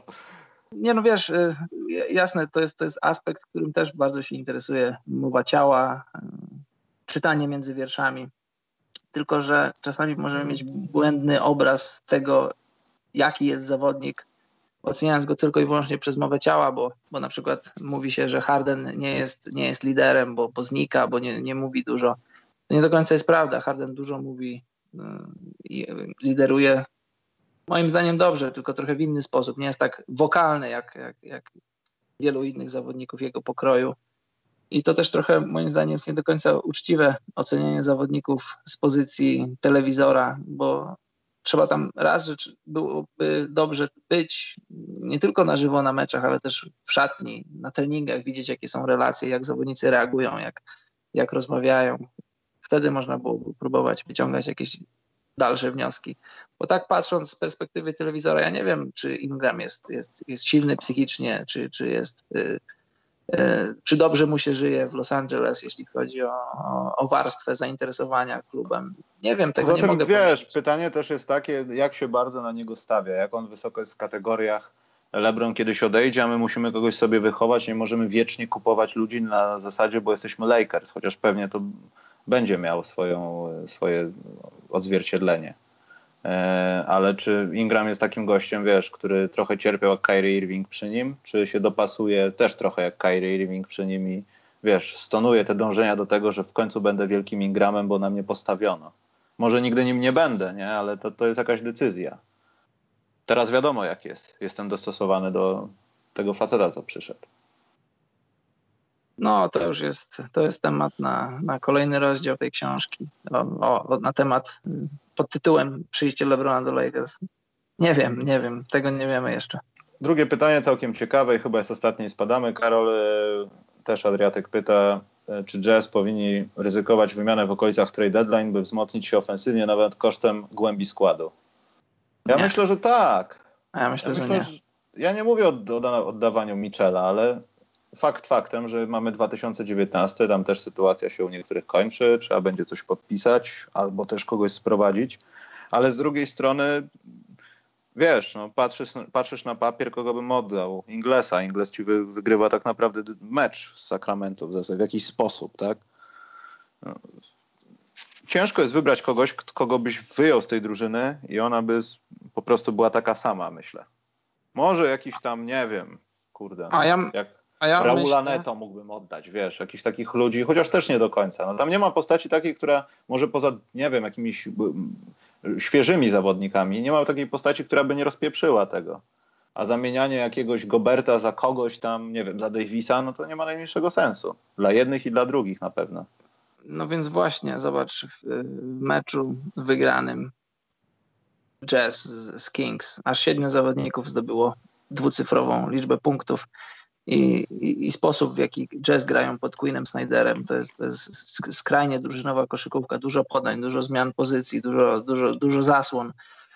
I jeżeli ryzykujesz, bo wiadomo, że znaczy nie, nie wiem, czy wiadomo, ale no, Jazz nie są raczej drużyną, która w tym, w tym sezonie zdobędzie mistrzostwo są jeszcze jeden, jeden poziom od tego. Tak mi się wydaje. Jeżeli próbujesz, spróbowałbyś zaryzykować, żeby, żeby przejść tę górkę, no to wymiany w trakcie sezonu mają to do siebie, żeby coś zyskać, to musisz coś oddać.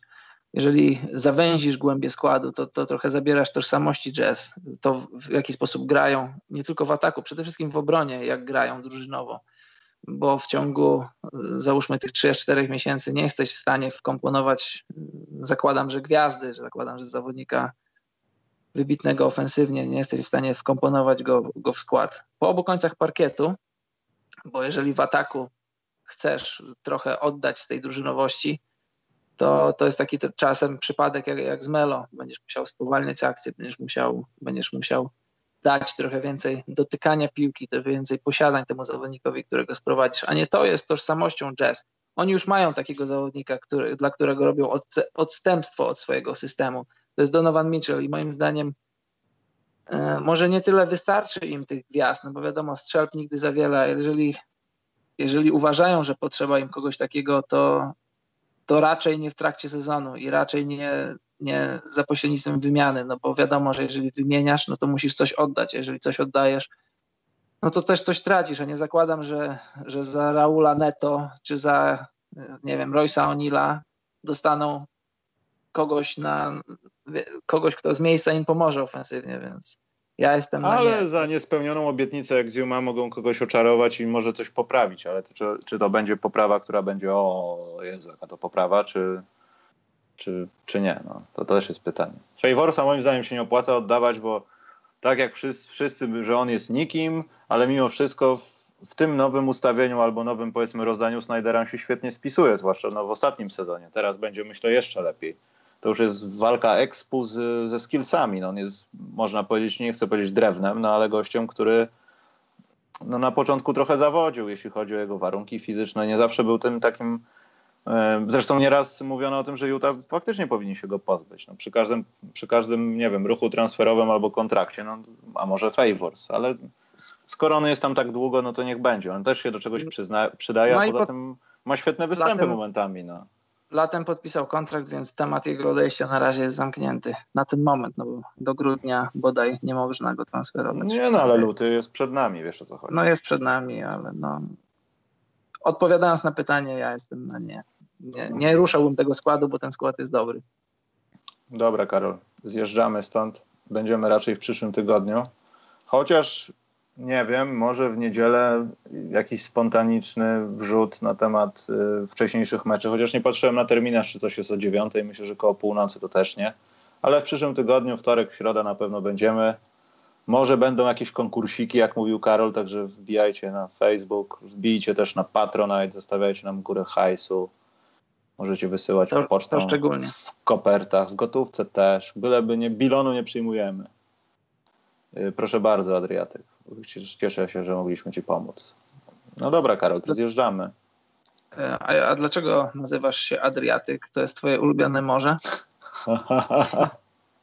Nie musisz odpowiadać. Nara Kluski z rosołem, kupa z sokiem, trzymaj się. Nie wierzę, że powiedziałem, pozdrowiłem kupę z sokiem, Karol. To jest internet 2018. No wiesz, ludzie wybierają swoje Na niki, koniec, Karol, takie pytanie. awatary. Myślisz, No. myślisz, że, bo ja teraz zauważyłem, że jest jakaś gala w ogóle youtuberów MMA i tam ludzie łamią nogi. Ja widziałem kawałek i stary to wygląda gorzej niż Hayward z Polem George'em i z Kevinem Warem w jednym. Nawet nie wiem, kto z kim walczył. Nie kojarzę wszystkich tam ludzi w ogóle, nawet z jakichś screenów na YouTubie gdzieś z polecanych. Nieważne. Myślisz, że będzie na rynku dziennikarskim, nie mówię tylko koszykarskim, takie MMA? Że, Ale że za, co, na przykład że za będziemy 10 lat, się- wiesz, tak, na przykład my, My z Bartkiem piłkarze. Tomczakiem walczymy. Tak, wy, wylądujemy w pucharach z Bartkiem Tomczakiem na szczęki, wiesz, tam wszystko z parterem Nie. bez. Myślisz, że dojdzie do tego? Tak, mam nadzieję. Nie wiem, czy pamiętasz, był taki sketch Monty Pythona, gdzie w ringu dwóch profesorów akademickich, czy profesor i jakiś kardynał y, pojedynkowali się o jakiś tam stopień naukowy, czy o jakiś tam, jakąś tam posadę, taką wiesz, stricte naukową. I chciałbym to zobaczyć, to jest coś fajnego. Chciałbym, żeby, żeby, Czad. żeby, poje, żeby pojedynki bokserskie czy fizyczne decydowały o tym na przykład, że jesteś w Radzie Nadzorczej w Orlenie, czy w jakichś tam spółkach Skarbu Państwa. Jeżeli, słuchaj, jeżeli nepotyzm czy jakieś tam testować, dlaczego nie siła fizyczna? No tak. Nie, nie robisz głosowań, wyborów, tylko się po prostu lejecie. No. Kto przeżywa, wrzuca do urny. Właśnie, idźcie na wybory w niedzielę. Nieważne, na kogo głosujecie. Nieważne, czy słuchacie radia albo telewizji, jakiejkolwiek, ale idźcie na wybory. Narysujcie nawet coś brzydkiego, ale idźcie tam. Misyjnie teraz. Nie, Mat- Mateusz, ja widziałem ostatnio na Legii Wojtka. Wojtek wygląda jakby odmłodniał. Kalifornia, wiesz, bicepsy. Nie miałbym najmniejszych szans. On z doświadczeniem by wykończył, także nie. Oby nie trafić na Wojtka w puchara. No pan, pan Wojtek jest fit. Ja nie, pan Wojtek fit jest na- ostatnio jeszcze bardziej. To już w ogóle nie wiem, czy kabrioletem już nie jeździ. Tak jest. Dobra. Karol, spieprzamy. Mów swoje, idziemy. Dobrze, Cześć to- czołem, dzięki za dzisiaj i pamiętajcie o hajsie w kopertach, w wózkach, we wszystkim. Czołem. Dobranoc, mili ludzie.